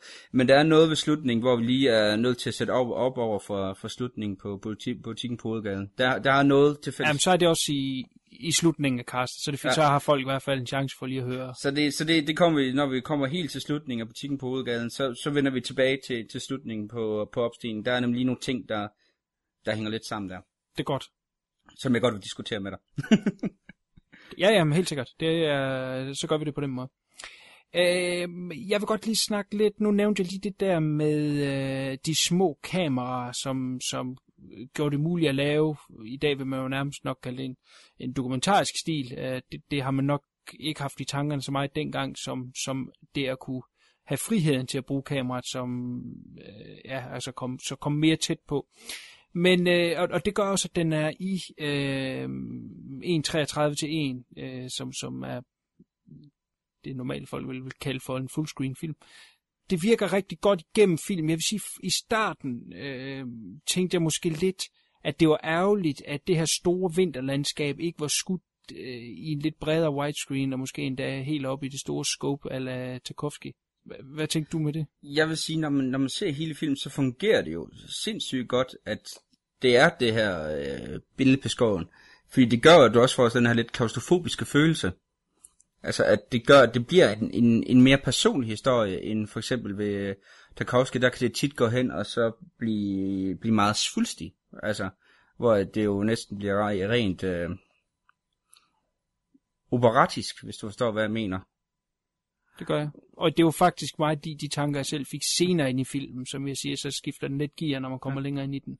Og der virkede det godt, at vi ligesom havde fokus et sted ja. øh, på den måde. Men, men øh, grunden til, at jeg alligevel nævner det her, det er fordi, og nu skal vi jo så lige gå på ikke skal, øh, der er et skud øh, i, i, i slutningen, hvor øh, en person kigger ud af, af porten af den her, det her hovedkvarter, og så ligesom kan se byen ligge nede bagved. Og det skud, det øh, ser presset ud på en måde, hvis det giver mening. Altså som om, at det har været et bredere widescreen, som er blevet presset ind i 1.33. Giver det mening? Det Jo, altså det, det var måske godt have, at, at så tog man så stadigvæk lige det sidste skud, fordi det er så essentielt for filmen. Og det måske også vil være, være øh, et større virkemiddel, hvis... Men jeg har prøvet at undersøge, filmen er skudt 1.33 til 1. Det er bare underligt, at de vil vælge en effekt. Men, men altså, hvis det ikke er noget, du har hæftet dig Nej, ved, så, øh, så vil jeg bare lade det hænge der. Men, men altså, du kan sikkert godt Jo. huske i gamle dage før, der var noget, der hed widescreen, så, så pressede man bare øh, billeder sammen, i hvert fald i, i, i starttekster af film, som var 2.35.1. Så var folk høje og tynde. Det så helt forkert ud. Der er et skud i den her film, som ser sådan ud. Og, og, og det virkede bare underligt, at det lige skulle være der, og, og, og, og med det samme tænkte jeg, at den kopi, jeg så, måtte være et eller andet øh, panscan-udgave, og så, øh, så lige nuagtigt det skud der, øh, havde man valgt at presse for at få alle detaljerne med. Øh, men som sagt, research efterfølgende afslører, at den er skudt i 1.33 hele vejen igennem. Du, du ved godt, hvad det er for et skud, jeg snakker om. Ja, det er det der, hvor øh, karakteren står og kigger, kigger ud, øh, og han står der med tår i øjnene, og så behøver jeg ikke Ja. sige mere om det. nej, nej, nej. Lige nøjagtigt, lige nøjagtigt. så, men der kunne man måske også godt sige, at, at det er jo sådan en scene, hvor man... Øh, altså kunne være fedt, hvis man kunne, øh, jeg ved ikke, hvor meget det er muligt, men det er jo sådan noget, hvor det er fedt, hvis man kunne lege mere med formaterne med, at, at du har en film, der er så øh, sammenpresset, øh, at, at du har den her sådan meget personlige øh, billedformatering, til at, jamen så havde man sådan en, en sidste slutscene, hvor der bare sagde, wow, altså hvad det er karakteren øh, har muligheder for at vælge. Ja. Så, så det er sådan lidt, altså det, det, der, der kunne det altid være rart nogle gange, at, at man kunne gå ind, og så man kunne ændre på formaterne, så man kunne, kunne lege med den del, hvilket jeg ved er fuldstændig umuligt. Men, mm. men det er jo sådan noget der, at der, det kunne virkelig have været, så det ens øjne virkelig bare bliver wow, altså. Det ville have fungeret godt for, for den scene i hvert fald. Ja. Så, altså det er jo også, den her film, nu kigger jeg jo lige mine øh, kære øh, noter, altså, at det er også en moralsk fabel. Øh, det her med, at det handler om, hvad gør folk under pres, altså, når du har de her mm. øh, to soldater, som bliver øh, sat i den her situation, hvor at de er under forhør og sådan noget, jamen, hvem vælger så det moralske rigtige? Du har også, øh, hvor du ser, de er i den fængselscelle, de er, jamen, der har de også andre karakterer. Du har blandt andet en, en lille, øh, lille pige på 11-12 år, for eksempel, som, som også er derinde, og som også står til at øh, være dømt til at blive henrettet. Og, og sådan nogle ting, og hvor du også har de her øh, 5-6 personer, der er i den her celle, hvor det også hele tiden bliver, bliver leget lidt med tanken om, jamen, hvem, hvem er det, der ligesom der stikker de andre? Hvem er det, der, der bryder sammen under presset? Og der har du også for eksempel moderfiguren som før, jo, som er under stærkt pres, fordi hun vil jo gerne overleve for hendes børns skyld, udover selvfølgelig også for hendes egen, men hun har jo også meget hendes børns skæbne øh, på sinde og, og sådan ting, og virkelig også under pres, fordi hun bliver også taget til fange sammen med, med de her to. Mm. Så der får du også den her moralske fejl. Jamen, hvem, hvem vælger ligesom det rigtige? Også, og der har det også for eksempel der i starten, som vi nævnte før, den scene med, med bunden der, som er kollaboratør. Øh, han har jo valgt fjenden, om man så må sige, og du har jo også Potnov, øh, hvad hedder det, forhøren der, som jo også ligesom har valgt det onde, om man så må sige. Det er jo, at i den her film får du jo faktisk et kristen, øh, får du faktisk noget kristendom ind under, som var noget censuren var meget imod i, øh, i Sovjet. Altså det var en af de ting, som den faktisk blev skilt meget ud af partistyret. Det var, at det havde den her kristen dimension. Hvordan kunne de slippe afsted med det? Gik alt ikke igennem dem? Jo, men de, øh, også ligesom for eksempel, øh, sådan en som Tarkovsky, han fik jo også øh, større beføjelser, øh, simpelthen fordi han var med til at skabe et, et, et positivt billede øh, ud af til, til forskellige film. Øh, hvad hedder det? Til forskellige filmvisninger og, og sådan noget. Og, og der var også for eksempel nogle af de ting, som du ser, hvordan øh, øh, de tjekkoslovakiske film øh, skaber, de, hvad de slapper sted med i 60'erne for eksempel, der blev det op for den, som for eksempel når jeg kom ind på butikken på hovedgaden. Og det er jo nogle vilde ting. Også Marlers formand med de øh, øh tjekkiske film, han lavede, han fik også virkelig lov til at slippe af sted med nogle kritikpunkter. Altså den, der hedder øh, Fyr og Flammer på dansk, øh, Fireman's Ball på på engelsk, og skal ikke udtale overhovedet, hvad den hedder på, øh, på tjekkisk, hvor det er jo også bare en stor, øh, hvad hedder det, lange mand til, øh, til, til partistyret, hvor du har øh, hele den her allegori om, om den her øh, brandmandsfest, hvor du har den her, der skal pensionere, så du virkelig tager tykt pis på alt, hvad det hedder, partistyre og, og, og sammenhold, og virkelig en fantastisk film også. Vi kommer nok også ind på Mars Formand, hvis det står til mig på et tidspunkt. Uh, nej. Ja, bare rolig. Vi, vi slipper for Pivot så lave Flint, det skal jeg nok love dig. så det er, det er også lidt, lidt, lidt sjovt det der med, at det er så 77 den her, og så vidt jeg ved, så er det et godt stykke før uh, Glasnov og Strøjka, det det hedder. Pas. Ja, øh, de her to øh, begreber her, som... øh, Gorbachev, han jo, øh, han jo indførte, der hvor man begyndte at åbne op. Så jeg ved ikke lige, hvordan den her den slår igennem øh, nåløjet. Nå, men du tænker på, for eksempel Tchaikovsky, han laver øh, to år senere den, der hedder Stalker, eller Vandringsmanden på dansk, øh, som, som jo blev saboteret, øh, nok hemmeligt for, at øh, øh, de havde ryggen fri, men, men, men der havde de jo skudt størstedelen af filmen, og så blev, de jo, så, så blev filmen jo ødelagt i fremkaldelsen. Det ved ikke, om du kender den historie. Ja. Så blev de nødt til at skyde den om igen, ikke? og så fik de kun brøkdel af budgettet, og alt måtte skaleres ned og skæres ned, og, og der er et rigtig super fedt dokumentarprogram om, om, om øh, tilblivelsen af den her film, og der er et eller andet klipper måske, eller en måske det er en set design eller hvad, som, som stadigvæk lever, som, som bliver interviewet og sidder og grædende og siger, at de ødelagde mesterens film. De omtalte simpelthen Tarkovsky som mesteren. Øh, de ødelagde hans film, ikke? Altså, som om, at der stadigvæk var mange øh, restriktioner. Så tænker jeg, at den anden er to år tidligere. Øh. Men det er måske, fordi det er en mindre film, ikke? Altså, der, jeg, jeg ved, hun var jo stadig ny, og, om man vil. Øh, få år, hun har været fremme og, og lavet måske lidt mindre film. Jeg ved ikke, hvor, ja. hvor meget hun var på radaren som så. Jamen, jeg tror faktisk, hun var rimelig meget fremme. Øh, simpelthen fordi hun var en...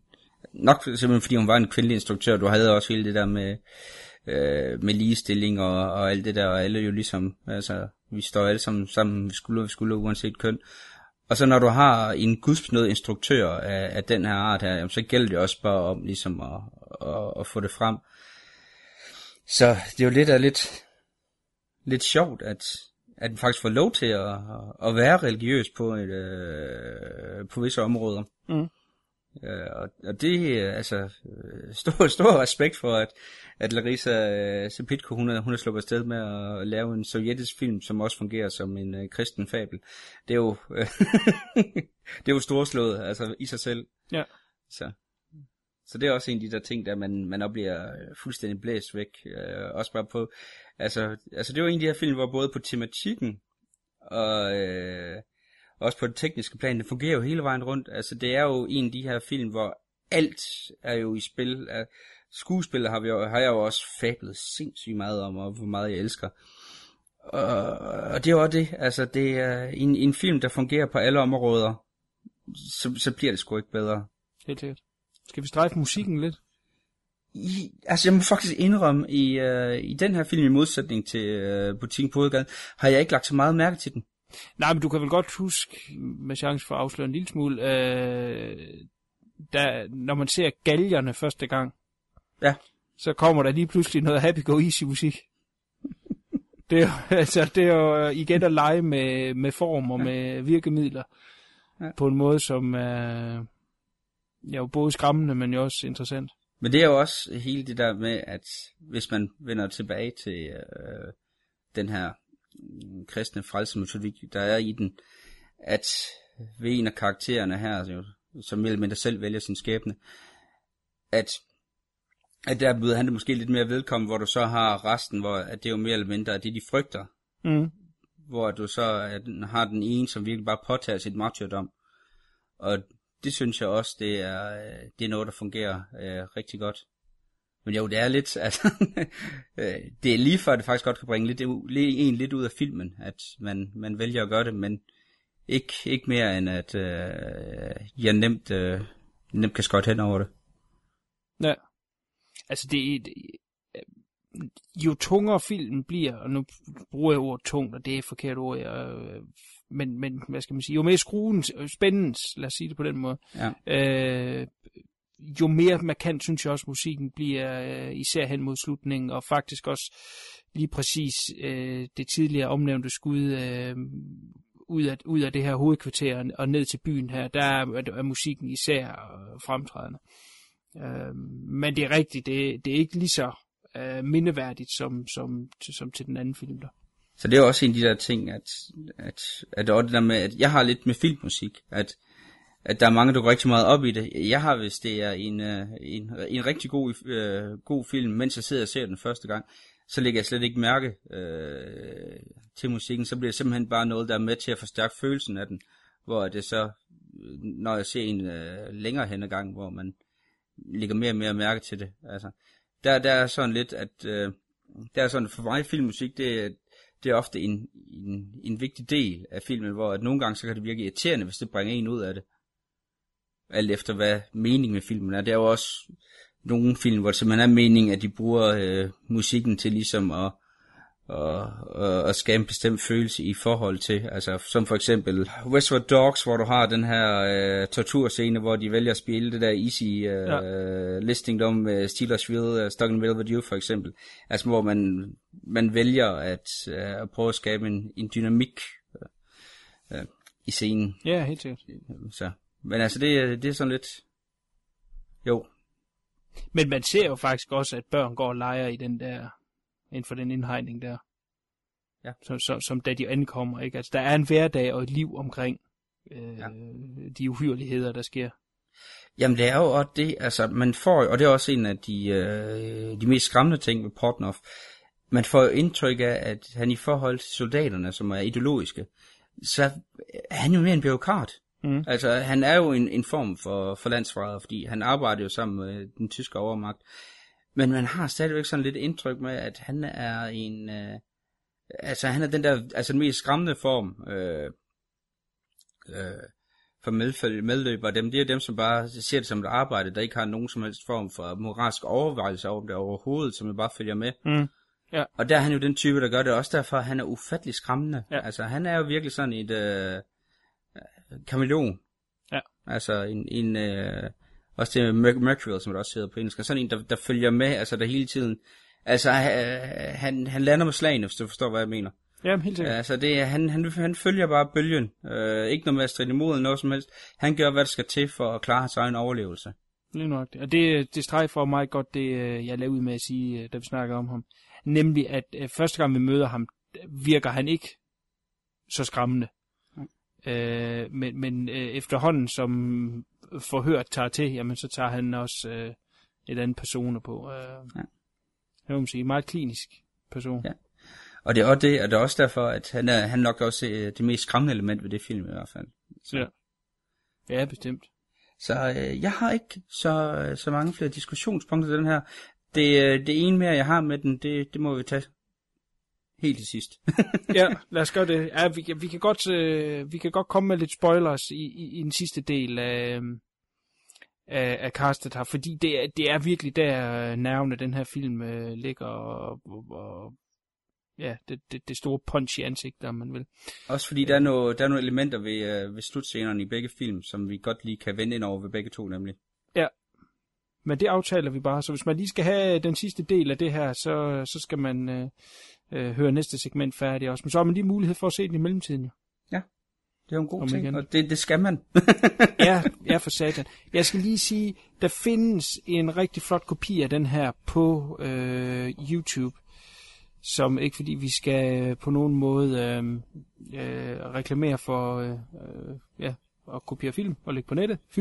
Men øh, når det nu ligger på YouTube og med øh, engelske undertekster, så synes jeg, øh, fordi det er jo øh, ikke en helt normal tilgængelig film som så, selvom at Criterion har udgivet en ret flot øh, DVD-kopi af den, så, øh, så, så vil jeg da tilråde, at man lige går derind og ser den, og jeg vil endda gå så langt at sige, jeg vil godt lægge et link på vores øh, Facebook til, øh, øh, så man kan komme ind og se filmen, og så vende tilbage og høre noget af det, vi snakker lidt mere dybdegående omkring slutningen øh, til sidst i castet. Mm. Fordi det er, som jeg startede med at sige, en, jeg synes en film alle skal se, så den skal sgu bare ud over stepperne. Så nu, nu er vi det der vores, vores faste punkt, når vi diskuterer en film, om den. Det har vi mere eller mindre begge to sagt, ja, Ja. se den for fanden.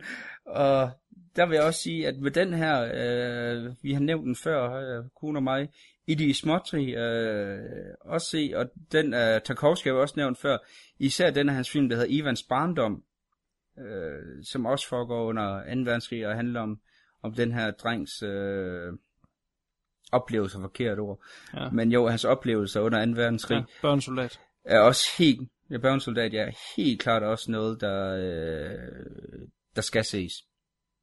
Så Ja. der, der er i hvert fald, øh, hvis man øh, synes, der øh, opstigen den er fantastisk, så øh, helt klart øh, skriv øh, de to andre på øh, C-listen. Bestemt. Øh, i, altså, jeg vil anbefale den her film til alle. Der er ikke lige umiddelbart nogen, jeg vil f- fraskrive. Det, det, jeg så til gengæld vil lave, det er lige at lave en brandtal for dem, der tænker, skal jeg virkelig til at se en uh, sort-hvid sovjetisk film fra 77? Øh, ja, det skal du. Og Jamen, jeg er helt enig.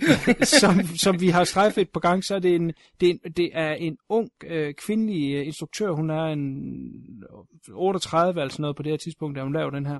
Med sig har hun altså en, en moderne øh, filmmaking øh, stil, som gør, at den her film på ingen måde føles dateret eller gammel. Øh, selvfølgelig skulle den laves i dag, ville der være noget mere, øh, ja, ramachan med kameraet og alt muligt, men det er alt sammen bare øh, ekstra fluff. Her er, hvad der skal være når man sidder og ser den, så bliver man altså relativt hurtigt gelejtet igennem. Der er ikke noget, du sidder og tænker, for satan, kom nu videre. Den er short and to the point. Jeg synes især, for eksempel, er det meget sjovt at se startteksten, altså der, hvor der står en uh, credits i starten, er hen over en quote-unquote action-sekvens. Det er sjældent, man ser det Øh, de er noget ildkamp, og så er det hele bare plaster til med navne. Sådan lidt en sjov måde at lave det på. Men, men, men allerede der er der en indikation på, at vi går altså et okay tempo frem til, til det, vi skal. Den er ikke tung på noget tidspunkt. Og som, som sagt, slutningen vil punch sig fast, som øh, du aldrig vil glemme igen. Så øh, den, den, øh, ja, se den for satan. Det øh, gør dig selv den tjeneste. Øh, uanset hvad du normalt er til, så... Øh, så vil den her øh, ramme dig, og ikke på nogen måde give dig. Så lad være med at blive skræmt af, øh, at den er 37 år gammel og, og sort-hvid. Det, har ingen betydning overhovedet. Og der må jeg jo så indrømme, at jeg er jo desværre øh, kommet til et punkt, hvor jeg selv må indrømme, at jeg faktisk foretrækker sort-hvide film. Det, øh, altså det er normalt, når det kommer til virkemidler, så har jeg ofte det der med, jamen, øh, at det kan fungere til forskellige film. Altså, der er nogle ting, der ikke fungerer i en film, som voiceover og sådan noget. For mig, jeg må bare indrømme, at jeg er mere øh, oplagt til at se en, en, en, en film i, i sort-hvid, end, end jeg er til at se en i farver. Mm. Altså, der, der er bare et eller andet ved den der æstetik, der er i det sort-hvide.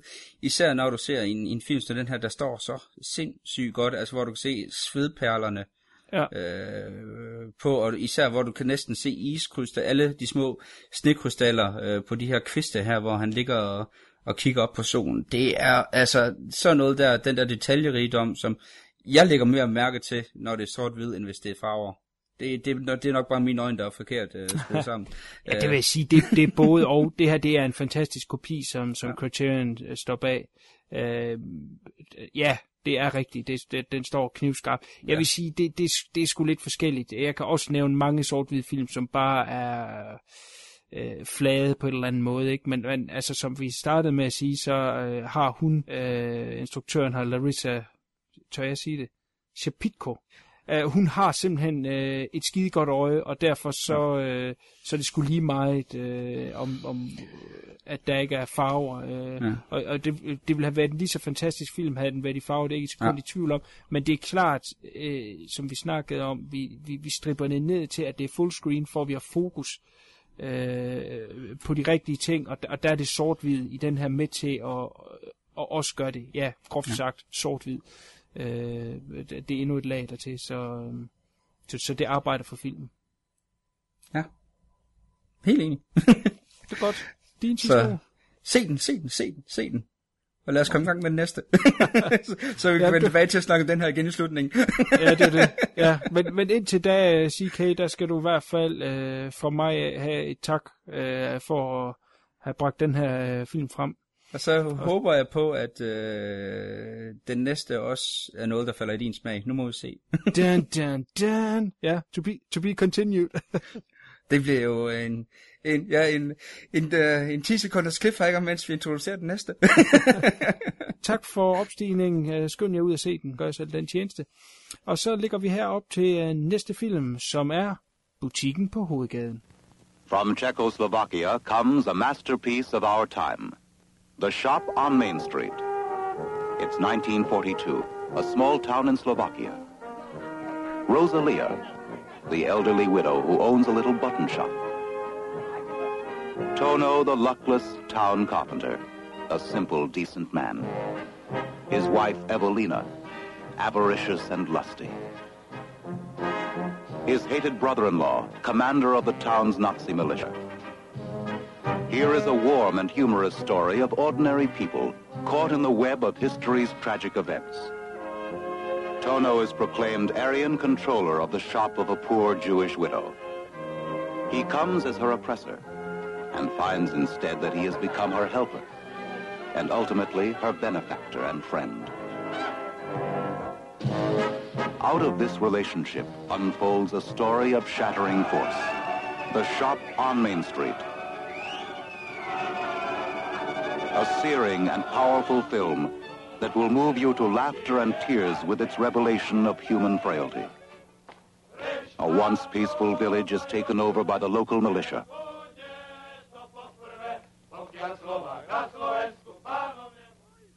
A leader of the community is pilloried.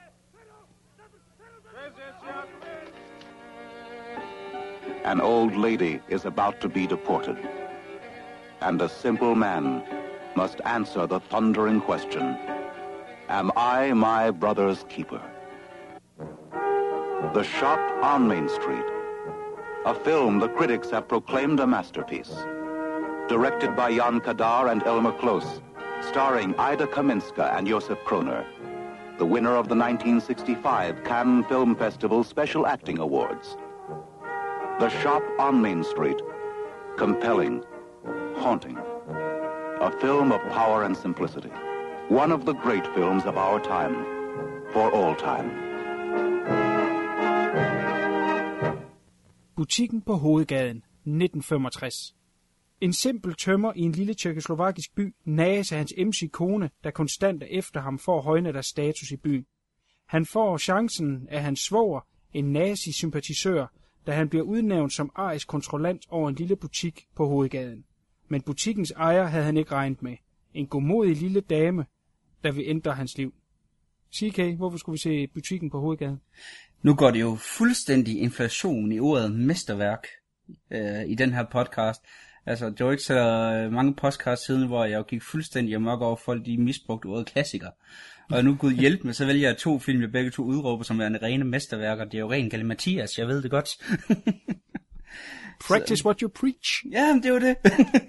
så jeg skal bare lade være med at se så gode film, så, så hjælper det. Det kommer så, næste gang. Ja. Så, og, og den her gang, der glæder jeg mig meget til at høre, hvad du synes om den. Om, om den også falder mere i, også falder i din smag, eller om, om den måske er, øh, er lidt uden for... Uden for kategori? Uden for kategori, ja.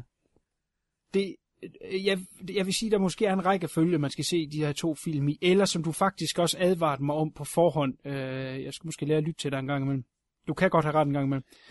øh, du sagde, at man nok ikke skulle se dem lige oven i hinanden. Øh, og, og det vil jeg måske give ret i, fordi jeg startede med at se øh, øh, opstigningen, og, og den er altså i sådan en specielt svære, man er, man, man er i øh, lang tid efter. Og den var jeg ikke kommet ud af, da jeg begyndte at se den her. Så øh, lige da den startede, der synes jeg, jamen det her det er jo en meget hyggelig film, øh, som øh, jeg ikke lige kunne se kunne hoppe på den anden. Øh, men det er altså kun lige starten, og, og som vi kommer ind på senere omkring øh, slutningen og, og øh, den, den kraft, den her film har, øh, så vil jeg kun øh, give dig ret i, at det er et mesterværk. Den øh, fortæller øh, en del af den her historie omkring krig, som vi har set og hørt så mange gange før, men på øh, for mig i hvert fald en ny, frisk måde, og en... Øh, øh, ja, med, med, med hjertet, og, øh, og, og den kommer også ind med nogle punches, der, der er hårde. Så øh, fantastisk film, det vil jeg også sige. Det er også øh, det, du siger med, at den kan være, være lidt svær i starten, fordi den starter jo som en komedie. Altså ja. den der øh, typiske øh, satiriske komedie fra, fra 60'erne, som man blandt andet kender fra Magnus Formands øh, film, som jeg, jeg snakker om for ikke så lang tid siden. Og, og det er jo lidt det der med, at hvor man sådan sidder og tænker, nah, det er da meget hyggeligt, og så er det jo så, at omkring en time ind i filmen, så skifter den fuldstændig karakter, og så er det går hen og bliver øh, det her øh, meget grumme øh, holocaust-drama. Og det er også en af de der ting, der man, man bliver taget lidt med bukserne nede første gang, man ser den, fordi man tænker, ah, det er, da, det er, som du selv siger, det er da hyggeligt det her. Det, og så ja. skifter den. Jamen, den starter jo faktisk med øh, musik i parken, og... Øh og, og storkene på, på hustagene. Så, så det, det er jo et stærkt kontrastforhold til opstigningen, så jeg, jeg vidste ikke lige helt, hvad, øh, hvad jeg, what I was in for, men, men øh, måske derfor virker den også det hårde, når, når slagene så kommer. Hvis jamen, det giver mening. Jamen det er det, altså fordi at øh, du, du er inde i den her, altså man føler med karaktererne, altså Tono, øh, tømmeren der, og Rosalia, øh, ejeren af den her knappebutik. det er så fedt, det er en knappebutik. Øh, hvordan at øh, de to, øh, man, man lærer virkelig at elske dem. Også fordi det er mennesker, der har deres fejl. Altså det er jo, det er jo helt støbte karakterer med øh, mange dimensioner, som, som virkelig fungerer. Altså man føler virkelig, at man kommer huden, under huden på de her, øh, de her personer. Og ja, hvilket, hvilket så står rigtig godt i kontrast til, at de andre karakterer, for eksempel hans kone, hans svoger, øh, øh, de fleste af de land, beboere i den her øh, slovakiske landsby, hvordan de som mere eller mindre er en form for karikatur, kan man godt kalde det. Ja. Øh, og, og meget morsom. Altså det er, det er en, det er en film med et hjerte, det er også derfor, at den slår så hårdt. Jamen, altså, hvis, hvis man... Øh, hvis man kun så de første, øh, ja, det ved ikke, en halv time eller, af film eller lignende, så øh, øh, kunne man da godt forledes til at tro, at det handlede om en, øh, en mand, der var under tøflen øh, under, af, af den her kone, som prøver at presse ham fremad.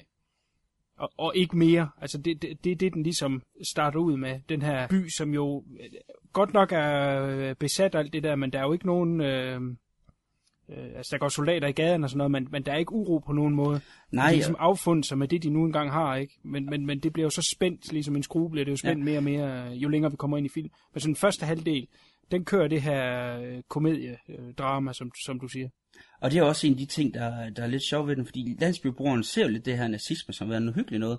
Altså, mm. de er ved at bygge det her kæmpe store monument på, øh, på torvet og, og sådan nogle ting. Altså, det, det har jo hele det der sådan selviscenesættelse, som øh, nazismen jo også havde det der med, at de jo sælger en eller anden form for utopi. Ja. Og, og langt hen ad vejen, så er landsbyboerne jo også med, indtil at de her jødeforfølgelser går i gang. Mm. Øh, og så er det så det fuldstændig ændret sig, så kan man se, at, at personen stille og roligt vågner op. Og, og det er også en af de ting, der, der virkelig fungerer, at, at den har det der, øh, den der meget progressive udvikling. Helt sikkert. Hvis vi, øh, hvis vi går lidt ind i, i handlingen, nu har vi jo snakket mere og øh, nævnt hans, øh, hans kone og, og svogeren. Der er øh, den, øh, den første scene, hvor du ser ham sammen med øh, hele hans familie, der hvor øh, drukscenen, Mm-hmm. den synes jeg er fantastisk godt filmet, hvor at du ser, at øh, de sidder der og stille og roligt drikker sig i hegnet, og, og Tono han bliver mere og mere farvet over, at han føler sig svigtet af hans svoger, og ej og konen hele tiden er efter, hvor han er pænt bitter, og, og du ser, hvordan han holder glasset op for an, øh, øjet, mm. og hvordan han ser verden igennem den, og, og hvordan hele verden bliver sløret, og så er det jo så, at han rejser sig og holder den her brandtale, og du kan se, at han skal virkelig ved at tænde af, og så tager svogeren jo og så fuldstændig afmonterer øh, situationen ved at, at give ham øh, det her brev på, at han skal overtage som forpagter på den her jødiske butik her, som efter sine skulle være utrolig succesfuld. og det, det, det er så sjovt, når man så ser butikken senere hen. Men, Men uh, CK, øh, øh, hvad er svogerens øh, vinkel med det? Jamen, det er jo lidt det der med at, jeg tror, at købe sig lidt ind. Altså, det, fordi igen, altså grunden til det er jo, at svogeren, han er jo virkelig bare et dumt svin i den her film. Altså, der, der er Ja. jo no way about it. Og det er også, også lidt den der med, at kunne jeg forestille mig, at, at det er simpelthen for at ud, hvad hedder det, øhm, udmyge hans, øh, hans svoger endnu mere. Altså det med, at nu tror han, at han får den her butik, og så viser sig, at det er ingenting, at, at det bare bliver endnu værre for ham, simpelthen for virkelig at hæve sig på bekostning. Altså, svogeren er jo øh, den her øh, troppeleder, øh, kan man godt sige, for det lokale korps i den her by her, mm. og han bliver jo også betegnet fuldstændig som en bølle. Ja. Altså, han, er- han er sådan en, der hævder sig på andres bekostninger. Ja, han, altså han er hadet i byen allerede Ja. fra filmstart. Og så er det så, han, øh, og man kan også godt se flere, flere steder, øh, for eksempel, hvor Tono han sidder med en af hans venner, og svogeren kommer hen til den, hvor at du kan se, at vennen han bare sidder og skærer tænder. Altså, han ja. hader det. Han hader synet, den her mand her. Men da manden har magt, så er han nødt til at lade svogeren få hans vilje. Altså, mm. og, og, og de der små ting der øh, med forholdet øh, mellem personerne i den her landsby, det fungerer rigtig godt. Ja, helt sikkert. Det monument der, øh, hvad er det, det skal ligne? jeg undrede mig længe over, hvad, hvad det var for Jamen, jeg ved det heller ikke. Altså, fordi det jo ret sjovt, fordi du har det der flag på toppen, mm-hmm. som jo ikke, det er jo ikke, øh, det er jo ikke swastikaen. Nej, Men det, det- det, det er noget sig selv har den jo ikke noget med nazisme at gøre. Nej, men, men det er ret sjovt, fordi øh, altså det symbol, der er på det her flag her, det mindede mig om The Great Dictator. Hvor de også havde det her, øh, i stedet for swastikaen, for det ikke skulle være, være fuldstændig synligt, hvad de lavede, som det jo der jo var, øh, så havde de så det her andet sådan, i, i samme skrifttype, som man, man kender som en, en nazistisk, øh, med de her øh, figurer. Og det, det er lidt det samme. Altså, øh, den, den kører jo en form for symbolværdi i, øh, i byen, men det er også lidt det der med, at jamen, det er jo sådan en stor, grim trekant, altså. Ja. Lidt pyramideformet, ikke rigtig ved, ved, hvad det skal være, udover det skal være stort. Altså, Ja, og det, det er jo nok også det der med, at det symboliserer nazismen med, at, at beboerne i den her by ved ikke, hvad det er, men det er stort, Mm. og det fylder meget. Ja. Og så er det dermed så godt. Altså, jeg, jeg tror, det er lidt det, at, at den skal, skal symbolisere den her store, grimme klods her, altså.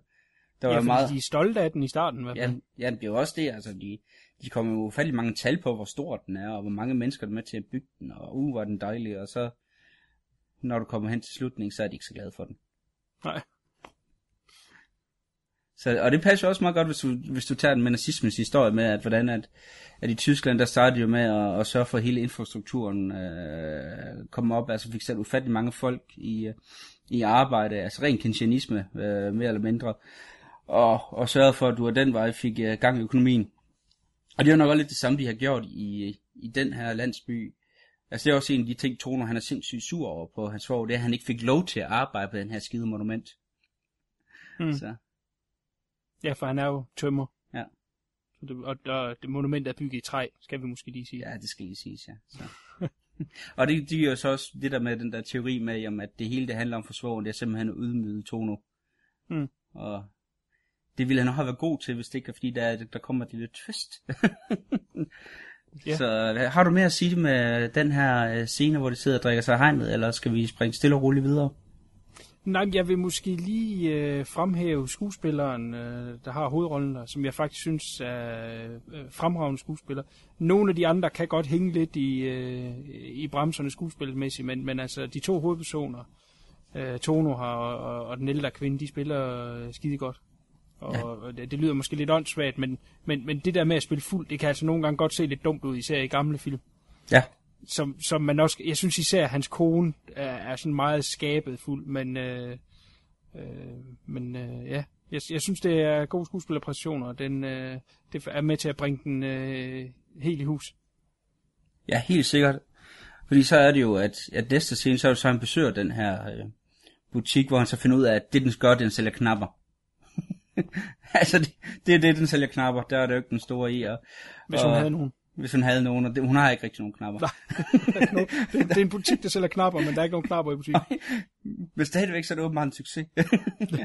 og, og så har du så den her øh, ældre dame her, Rosalia, hvor at, øh, det viser sig, at hun er, hun er halvvejs senil, og hun er ikke særlig hurtig, og øh, Tono, han er ved at Blind blive og døv. Og... blind og døv. Altså, hun har virkelig øh, alle de her alderdomssymptomer.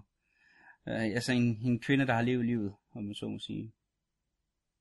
Ja. På den erbardige måde. Altså, nu kommer til at tænke på, at når man siger en kvinde, der lever livet, så kan det betyde noget helt andet. Men, men altså, jo.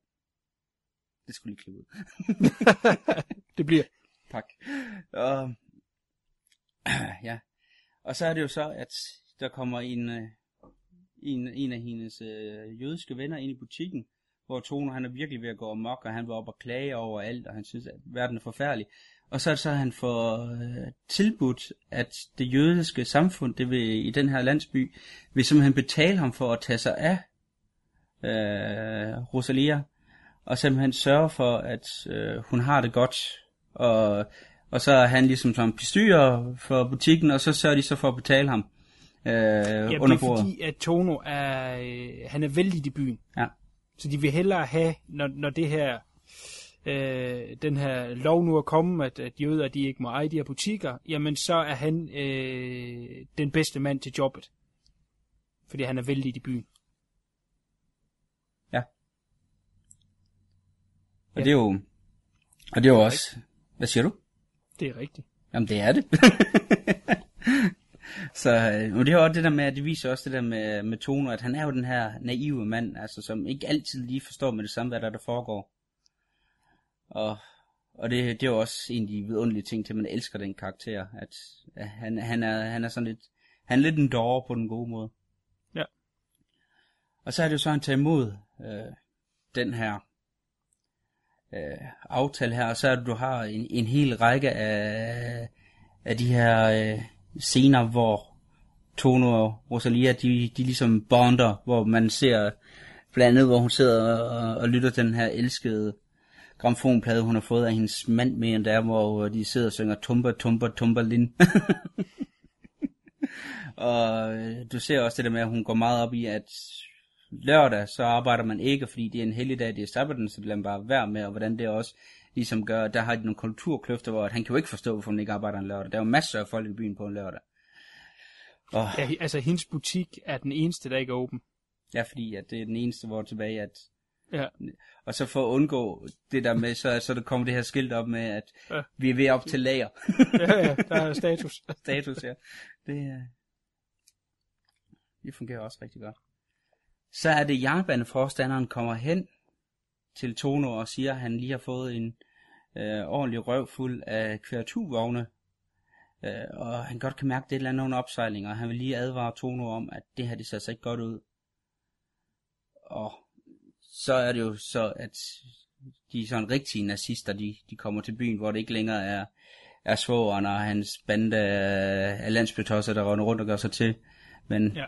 Så begynder de at marchere i byen. begynder de at marchere i byen, og de begynder at, at, at samle øh, alle jøderne sammen, og så har du den der for, øh, forfærdelige scene, hvor du har den her kvinde, der skriger efter hendes søn. Mm. Hvor er han? Hvor er han? Åh, vi er nødt til at finde ham, vi er nødt til at finde ham.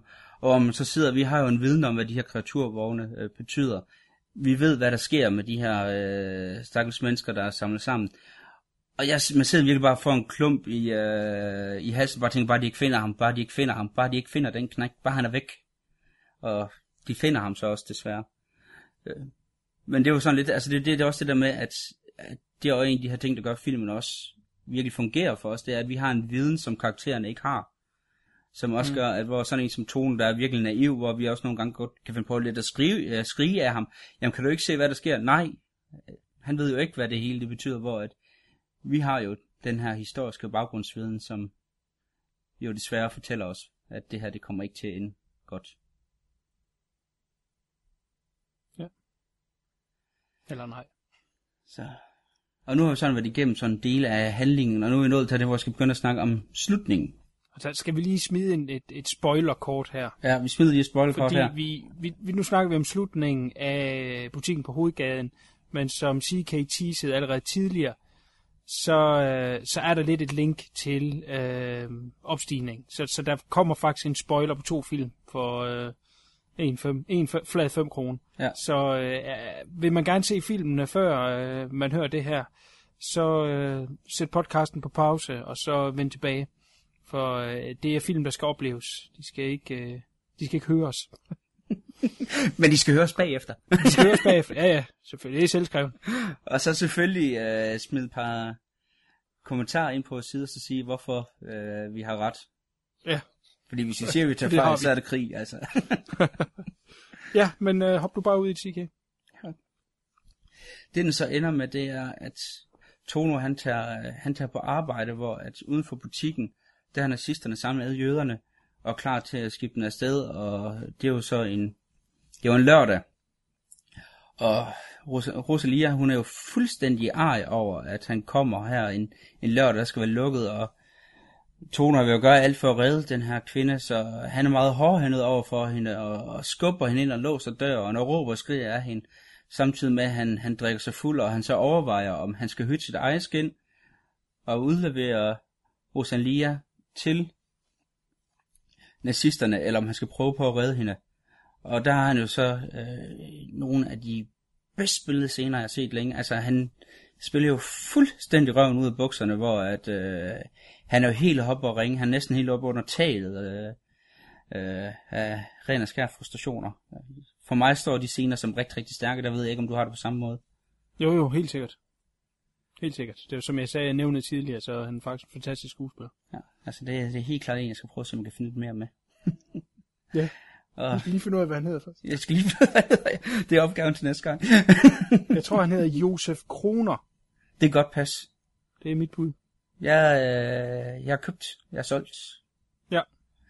Du ser lige alle film med ham. alle film med ham til næste gang. Ja, okay, jeg, måske en enkelt.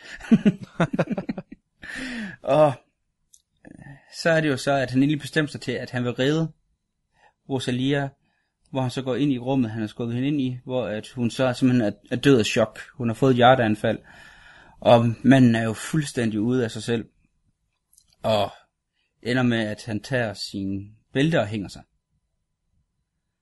Og så tror man lige, at okay, det her det er den sørgelse film nogensinde. Hvor den så slutter af med, at du har det her fantasi øh, sekvens, du også har set før, hvor du ser, at øh, han står i fint tøj. Et, et jakkesæt, han øh, havde fået af Rosalia i starten, til, altså, som hun selv siger, det er til hans søndagsoutfit, når han skal ud og se godt ud i kirken. Og, Hendes afdøde mands hendes- gamle ja. ja. og hun har sådan rigtig fint tøj på også, og så ser du, hvordan at de tager og, og øh, hånd i hånd og går ud gennem døren, mens du har et orkester, der spiller i baggrunden, og det hele er bare lykkeligt. Og samtidig med, at du har den der skærende kontrast, hvor du har hele den her fantasisekvens, der, der dulmer lidt slaget. Hvad synes du om det, Kuno? Jeg har lidt det der med, ved at øh, det gør, at, at filmen ender på en lidt lysere noget, samtidig med, at det måske også kan tage lidt af det følelsesmæssige øh, slag fra den. Øh, ja. Altså normalt, så vil jeg være modstander af det. Fordi øh, når film har en pointe og, og, og en mening, den har noget, den gerne vil fortælle, at, den, at det slag så er så hårdt, jamen, så er det sådan, film skal være, og det er okay. Øh, nogle historier er sådan, altså det, livet er jo ikke altid godt og lykkeligt, og nogle gange så er det bare grimt og øh, ubarmhjertigt, ikke? Øh, så så i, i langt de fleste tilfælde, der vil jeg nok være utilfreds med, med sådan en type slutning her. Men øh, kunsten er jo at sætte sådan en på, så det ikke virker øh, kunstigt eller, eller påduttet. Og det synes jeg bestemt ikke, det gør. Altså, der, det, og det har nok også noget med at gøre, at jeg har i baghovedet, at det er en film fra, fra 65, og, og, og det har sin charme. Men øh, jeg synes, det er gjort på øh, ved en fin måde. Altså, det generede mig ikke, da jeg så den overhovedet. Men altså, var det nu en film fra, fra moderne tid, hvor det kom i, så kunne det godt være, at jeg var mere op på, øh, på mærkerne. Det er lidt dobbeltmoral der. Jeg beklager. Jamen det skal man også, det er også det der, som vi også tit er inde og snakke med virkemidler og sådan noget. I nogle film fungerer det, i andre film fungerer det ikke. Og i mm. den her, synes jeg også, at øh, det fungerer. Især hvis man lige har, har set opstigning, som jo vælger øh, Ja, en, modsat. øh, den modsatte. Ja. og det var det var også det, som, øh, hvorfor vi også snakker om, da vi snakker om op- opstigning, at ligesom var nødt til at tage øh, slutningerne sammen, fordi de har, øh, de passer rigtig godt øh, at sætte over for hinanden. Ja. Så skal jeg kaste mig ud i øh, fuldstændig... nap lige i slutningen af opstigninger. Det, den gør ved opstigning, det er den soldat, som øh, har forrådt hans, hans venner, og så er blevet øh, politiagent øh, for nazisterne. Han prøver på at, at slå sig selv ihjel ved at hænge sig, hvor i første omgang, så, øh, så braser øh, stolpen øh, ind på toilettet, øh, det lille das, øh, hvor han prøver at gøre det. Den braser, så prøver han så igen, hvor han så ikke har mod til at gøre det. Og hvor han, han så kommer ud, så ser han så den her øh, åben port. Og det var også den scene, øh, Kuhn og mig, vi før vi snakkede om, at, at det kunne måske godt være, at det kunne være fedt, hvis du havde haft det i, øh, i en widescreen, hvor du ser, Ja. han kigger ud, og han kan se byen dernede, og han kan se skoven, og han kan se, at han skal bare løbe, og så er, han fredet, og han, og han kan ikke bevæge sig. Nej. Han, han er fuldstændig, og han, han står der, og han begynder at, at græde og skrige op mod himlen. Og han er, du, du kan se, at han er en fuldstændig knust mand, der har, der har gjort alt, hvad han kan for at overleve. Og, Ja, altså nu, det der er, under forhøret, øh, der fortæller han nogle ting, men han fortæller ting, som han mener er almen viden. Ja. Det er ikke noget, som på den måde kan hjælpe dem, men han giver dem informationer, men det er, det er forkert at sige ubrugelige informationer, men det er informationer, han mener, at det ved alle. Ja. Og øh, samtidig så for, øh, hvad hedder det, forhørslederen her, øh, tilbyder ham jo så, at han kan blive en del af den her milits. Og, og det er jo ikke meningen, at han vil det, og det er jo, øh, han tror jo, at de får lov at gå øh, grund det her information, han siger. Men da øh, morgendagen så oprinder, og han finder ud af, at der står øh, øh, øh galger og venter på dem, og de skal hænges, så er det jo pludselig, at han, han øh, ja, falder på sin knæ for at sige, du lovede, at jeg kunne blive politiagent. Og så siger han forhørslederen, Nå, ja, okay, så kan du bare blive det. Men han står og ser hans venner blive hængt, og han hjælper faktisk øh, med at, at, at hænge hans, hans kammerat der, og det øh, knuser ham, og det er det, der gør hele slutningen der, er så tung og så modbydelig. Og lige nøjagtigt den film lader jo ikke en komme ned på jorden igen. Nej. Og det er det, jeg snakker om, at man er i den her haze, en, en tåge, efter man har set film, øh, som gjorde, at øh, lige da jeg begyndte på, på øh, butikken på hovedgaden, der var jeg ikke kommet ned endnu. Øh, butikken på hovedgaden har jo sådan en anden approach, den sætter dig ned på jorden igen, så du kan Ja. ånde ligesom, når, når, når filmen er slut. Øh, det er, begge dele er rigtige til deres film, øh, til, til deres historie. Jeg synes, at øh, øh, opstigningen har den rigtige slutning. Som, som den er lavet, ikke? Den, det er fandme en mere kold film hele vejen igennem. Øh, nok, ja, det er forkert at sige realistisk, men, men den er sgu mere lige på, ikke? Øh, øh, der er sgu ikke nogen komediedel i den. Så øh, det, er to, det er to vidt forskellige film, men som du siger, de har lige øh, nogle af de samme dilemmaer om, om gode mennesker, der prøver at gøre det rigtige, men, øh, men ender med dårlig samvittighed. Jamen det er også, The Ascendant tager også lidt tilbage til den sådan lidt øh, italienske neorealisme. Så for eksempel Rom, øh, Åben By, øh, Rossellini, Roberto Rossellini, ja. Jeg skulle lige dobbelttjekke mit hovednavnet. Uh, den har meget det samme som det Ascent, også med det der uh, meget stilistiske, uh, skarpe sort-hvide billede, hvor den også kæmper meget med, jamen, hvad, hvad gør sådan almindelige mennesker i de her krigssituationer, hvordan reagerer de i de her dilemmaer. Det er også en, en film, jeg varmt vil anbefale, hvis, hvis man kan lide sådan noget som det er sendt.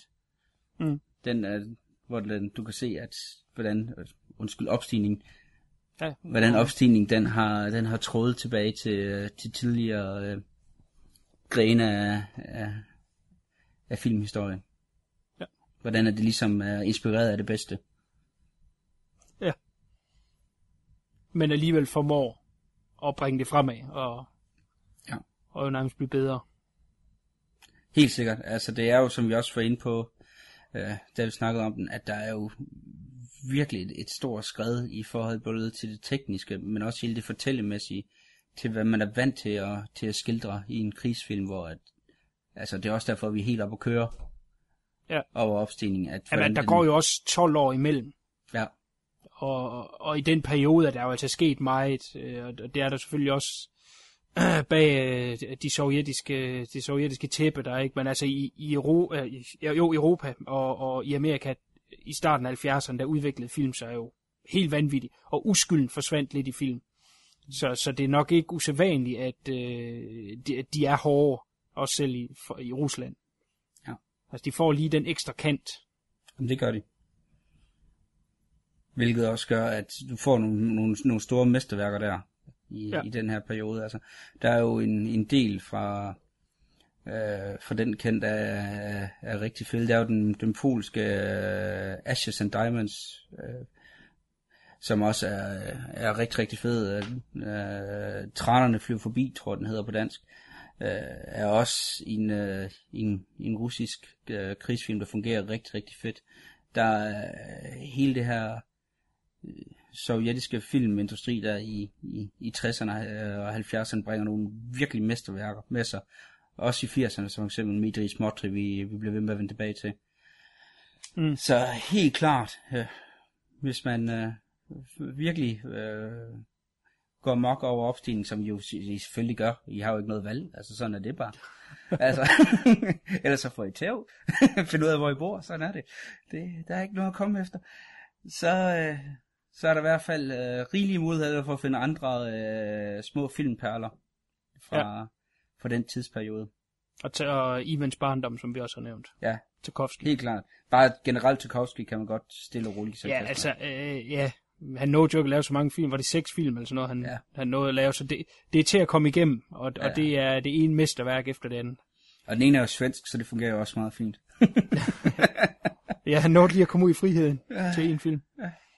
Og meget lige øh, instruktøren af vores første film, Larissa, hvad sagde du? She, Øh, Pitko. Pitko. ja. Så, øh, så døde øh, Tarkovsky også alt for tidligt. Ja. Desværre. To mestre, der døde alt for tidligt. Hvad de ikke kunne få ud af det. Ja. Så det, det er jo endnu en af de her ting, man kan græde lidt over som, som filmfan. Især når man bor i et år, hvor det fø- eller, eller man er i et år, hvor det føles som om, at alle dør. Altså, det, Ja, Så det, det er også lidt tragisk. Bestemt. Så for at blive ved det tragiske, har du mere at sige til, til øh, butikken på hovedgaden, fordi så har jeg et lille diskussionspunkt her til, til sidst. Jamen, jeg vil bare lige touch lidt af det, jeg havde sagt, eller øh, sagde tidligere, at det, det er to gode øh, companion pieces, det her, men husk lige ikke at se dem oven i hinanden.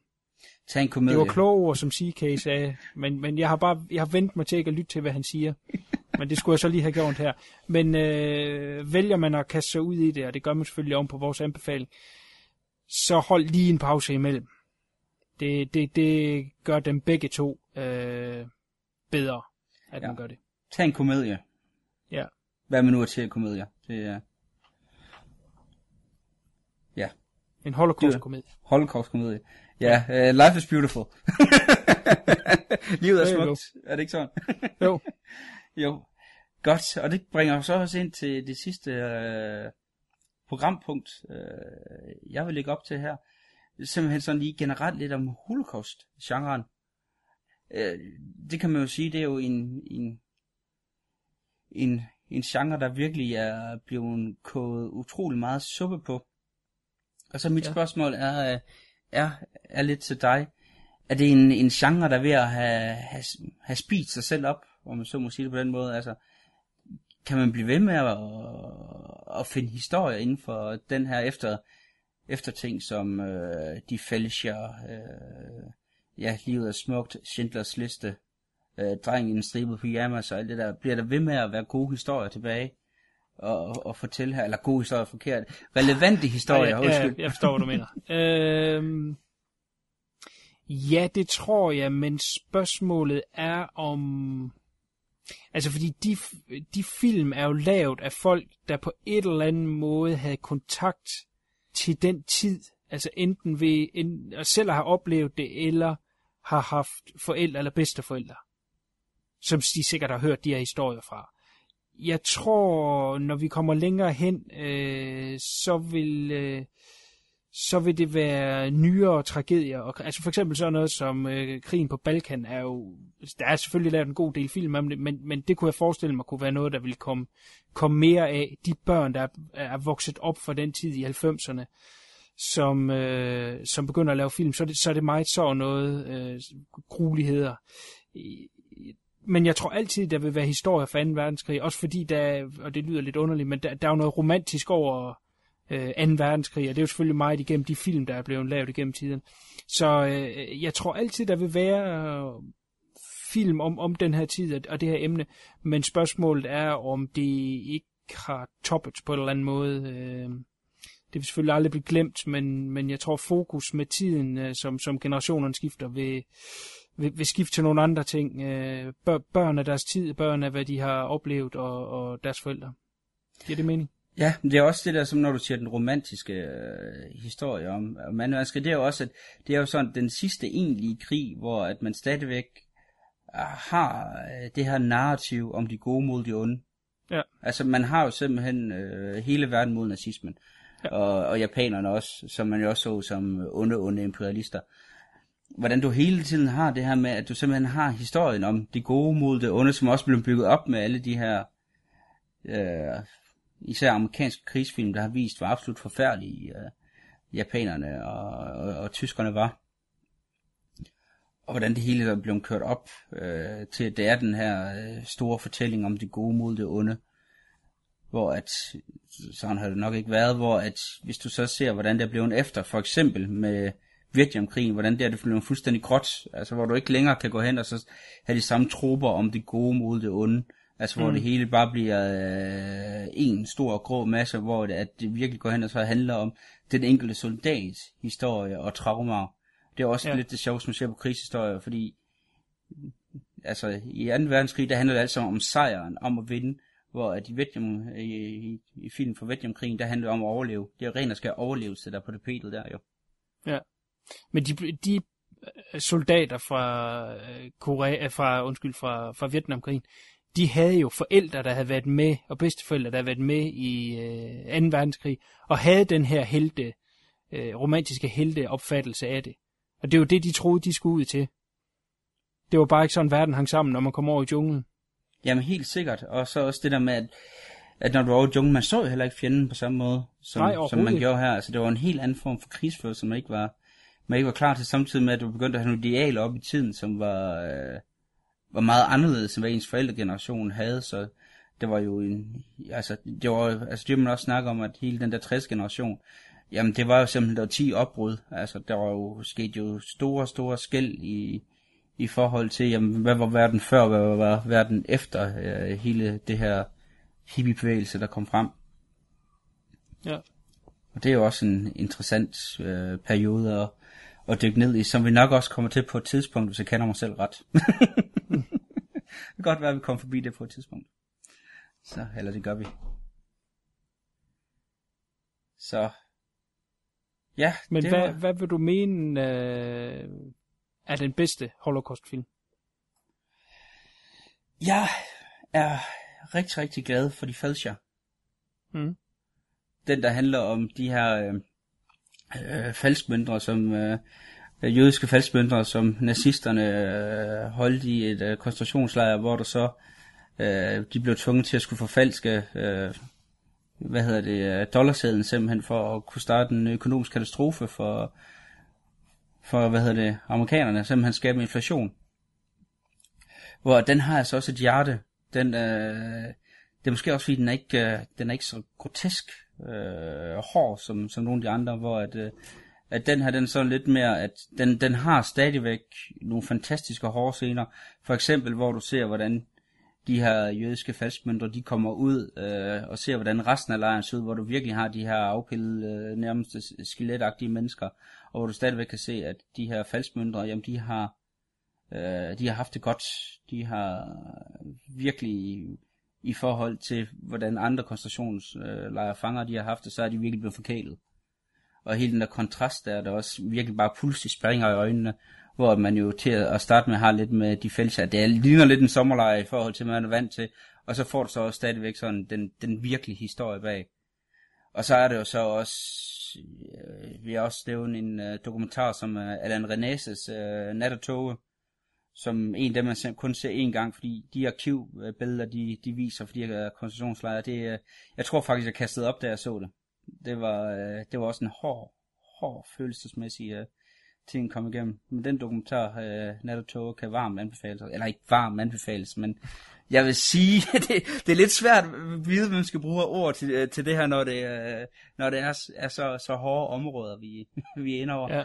Men øh, helt klart noget, som øh, der er vigtigt at se, om ikke andet for at, at få et nødvendigt indblik i, øh, i det her. Og så vil jeg så til gengæld sige, at den meget roste 9,5 timers lange øh, dokumentar Shoah, kan man så virkelig godt bare springe over, eller også med at se den første og den sidste time. Der kunne jeg ikke se alle 9,5 timer af den. Det, det, det prøvede jeg på, og det var ikke sådan øh, altså det, er jo, det, var, det var en af de mest hyldede film fra 80'erne jo. Hvor at, øh, du har den her instruktør, som jo tager og og interviews både med fanger, men også med fangervogter, hvor fangervogterne så er det så skjult optagelser, fordi de jo ikke vil stå frem. Og, og, og så nogle ting, samtidig med, at han så øh, besøgte de her steder, hvor uhyrlighederne var sket, hvor der så blev krydsklippet mellem øh, de her personer, der har levet igennem de her oplevelser, der fortalte om det, og så krydsklippet til, hvor du så, hvordan koncentrationslejrene så ud nu. Ikke en halv time værdig, uanset hvor, hvor meget øh, øh, Steven Spielberg kan op og køre over det. Så. Og jo, altså nu har jeg ikke nævnt Schindlers Liste. Jeg synes faktisk, Schindlers Liste er en, en fed film, og du kan ikke komme øh, udenom det. Igen forkert ord fed. Ja, det er lige nok, lige nok det, det, man, kan ikke, man kan ikke sige sådan en film. Hvad, hvad, hvad, kan man ikke? Øh, relevant film, relevant. ja. altså man er hele tiden nødt til at, og det er, jo, det er jo også for de her film her, man er virkelig nødt til at, i, i ens hoved, og så virkelig arbejde med begreber, og hvad er det for en ord, man bruger, så man ikke bliver misforstået, så man ikke lyder ja. som sadistisk fjols. Altså, og en meget relevant film, så rammer den bare ikke så hårdt, som øh, butikken på hovedgaden gør, som de fælser. Det gør den altså ikke. Men teknisk set synes jeg, at øh, Schindlers Liste er øh, fremragende. Jeg vil også lige nævne øh, Polanskis Pianisten.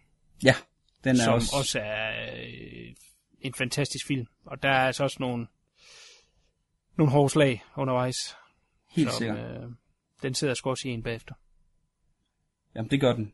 Altså, den er... Og det er jo også... Adrian Brody, jeg spiller også fantastisk i den. Ja. Det er jo, det er jo velfortjent Oscar.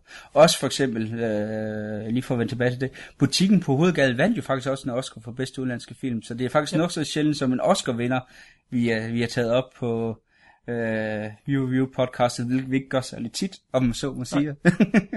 vi er ikke så fine. Opstigningen var øh, indstillet til en Oscar, men blev ikke øh, blandt de nominerede. Så det var, det var, øh, det var det sovjetiske bud, eller det russiske bud på en øh, Oscar-vinder, men øh, den kom ikke mellem. Altså, vi, vi har helt klart valgt den. Altså, det er jo ingen, ingen tvivl Ja. om. Så, Vi skulle måske lige have lavet research, hvem der vandt det år. ja, det burde det faktisk var være. øh, fortjent. Ja, det er 76, hvad kan det have været? Det er jo efter Fellini i hvert fald. Han jo det mest i 60'erne. Så, Ej, det er 77. det er 77, ja, det er, ja, jeg, jeg det er Men- 77, ja. Ja. I 60'erne, det jo sagtens være en Fellini-film, den har været op imod. Ja, Kan godt være. det undersøger vi lige til. Ja, det finder vi ud af. Det, det, det har, så har vi altid det arbejde. Uh, Holocaust-film, som ikke, ikke kan anbefales, er simpelthen nødt til at nævne Hun Hun Ilse fra SS. Altså, lad være, lad være. Altså, det er jo det hele podcastet handler om, det er bare at komme til at nævne den titel, altså. okay, det passer så ikke. Men ja, det er jo også lidt øh, det der med, med Holocaust-genren, hvordan at det går fra øh, de her øh, mesterværker til at så køre den ned til øh, de her øh, exploitation magtværker, som simpelthen til at brække sig over, hvor hun hed fra SS, det er jo noget af det øh, absolut modbydelige, der, øh, der er indført en genre. På trods af, at jeg faktisk fik en kammerat til at købe den en gang, øh, hvilket han aldrig har tilgivet mig. Altså, øh, jeg vil ikke udtale mig om øh, Ilse-film i det her cast med så fantastiske og gode film. Nej, det ved jeg godt. Så, Men øh, s- spørg mig en anden gang, og så kan det være, at jeg vil give dig et svar. godt. Så øh, ja. Yes. Det er godt. Har du mere, vi skal komme omkring? Nej, jeg synes, vi har rundt det fint. Og alle ved jo udmærket, at øh, opstillingen og butikken på Hovedgaden, det er øh, film, man skal se helst i går. Ingen tvivl om det. Godt, jamen øh, så siger vi tak til C-Case for de to film. Så øh, skal vi lige forbi det øh, faste segment, nemlig øh, vores Facebook, hvor vi øh, gerne ser, at I kommer ind og giver nogle kommentarer. I kan give kommentarer på de øh, individuelle casts, så I kan for eksempel gå ind på denne her og sige jeres mening omkring nogle af de film, vi har nævnt, og øh, er der en Holocaust-film, I mener, vi har glemt, som skulle have været nævnt, jamen så endelig skriv det derinde. Øh, og husk også at give en øh, like til selve hovedsiden. Er du øh, blandt dem, der henter vores cast på iTunes, så kan det også betale sig at lægge øh, et par stjerner og en kommentar, fordi så vil vi blive helt vildt glade. Og så snakker vi jo om en forbandet masse film her på castet, for uden de to film, vi anmelder, så nævner vi jo en masse i uh, set siden sidst. Og det ble, er jo blevet til mange film over de uh, over 30 cast, vi har lavet indtil nu. Så uh, er der en bestemt film, du vil undersøge, om vi har snakket om, så er der en øh, feature på vores øh, Podbean hjemmeside, viewreview.podbean.com. Der er en øh, search øh, vindue over til højre. Der skriver du simpelthen bare titlen på den film, og så dukker det cast op, eller de casts op, hvor øh, den titel er blevet nævnt. Så brug endelig de gamle afsnit øh, lige så meget som de nye. Det var sgu da smart. Ja, Nå, det vidste du ikke. Det var da godt, du sagde det. Det vidste jeg sgu ikke, fordi jeg Nå. tit, altså, for eksempel når man har, har vi, vi, har snakket om en film, man lige ikke lige ved, hvad man skal se, og så øh, prøver man på sådan at, at, huske, hvad det var. Og var, var det ikke godt for eksempel uh, Odd Thomas, hvor at, øh, jeg troede, du snakkede om det til et podcast, hvor det viste, at det var noget, du havde skrevet en anmeldelse af på et tidspunkt, for eksempel. Ja. Det kunne jeg jo klare bare på den måde. Yes, jamen brug endelig det. Brug endelig det. Godt, så er der næste uges film. Det er et lille stilskift, et lille... for at sige det vildt. Jeg, jeg, jeg troede aldrig, vi ville nå hertil, men øh, jeg, jeg er meget ambivalent, fordi det, jeg, jeg har været med til at foreslå det, jeg har været med til at godkende det, men samtidig tænker jeg også bare, åh, må Gud tilgive os. Næste uge, der går vi i 80'er mode. Vi smækker øh, movieboxen til vores tv. Vi sidder med tracking-knappen og drejer, drejer, drejer og går tilbage til nostalgi ud over alle grænser. Vi skal se Warboss, og vi skal se The Exterminator. Så det skal nok blive hyggeligt. Det bliver mere muntert. Åh, oh, det bliver det munter hjørne næste gang. Det, det passer måske meget godt øh, ind efter øh, Ja, efter den her, ja, den her hårde omgang her, så er det rart lige at, lige at have, en, have, en, have et lille åndehul med et par film, der overhovedet ikke skal tage seriøse. Ja, og vi vil snakke meget øh, vores ungdomsår og VHS og øh, Ja. 80'er crap. Det bliver nostalgisk, det gør det. Det er helt sikkert uh, temaet til næste gang. Så uh, på gensyn til uh, svulstige, nøgne mænd, svedige muskler. Det er lige nok for dig, det der CK. Jamen, jeg er jo 80'er action fan, det ved du også godt. Altså, Så ja. kan Stallone se, hvordan den skal skæres til Expendables 4. CK, kan du sige uh, pænt farvel? Pænt farvel. Pænt farvel. Pænt farvel. Mm-hmm.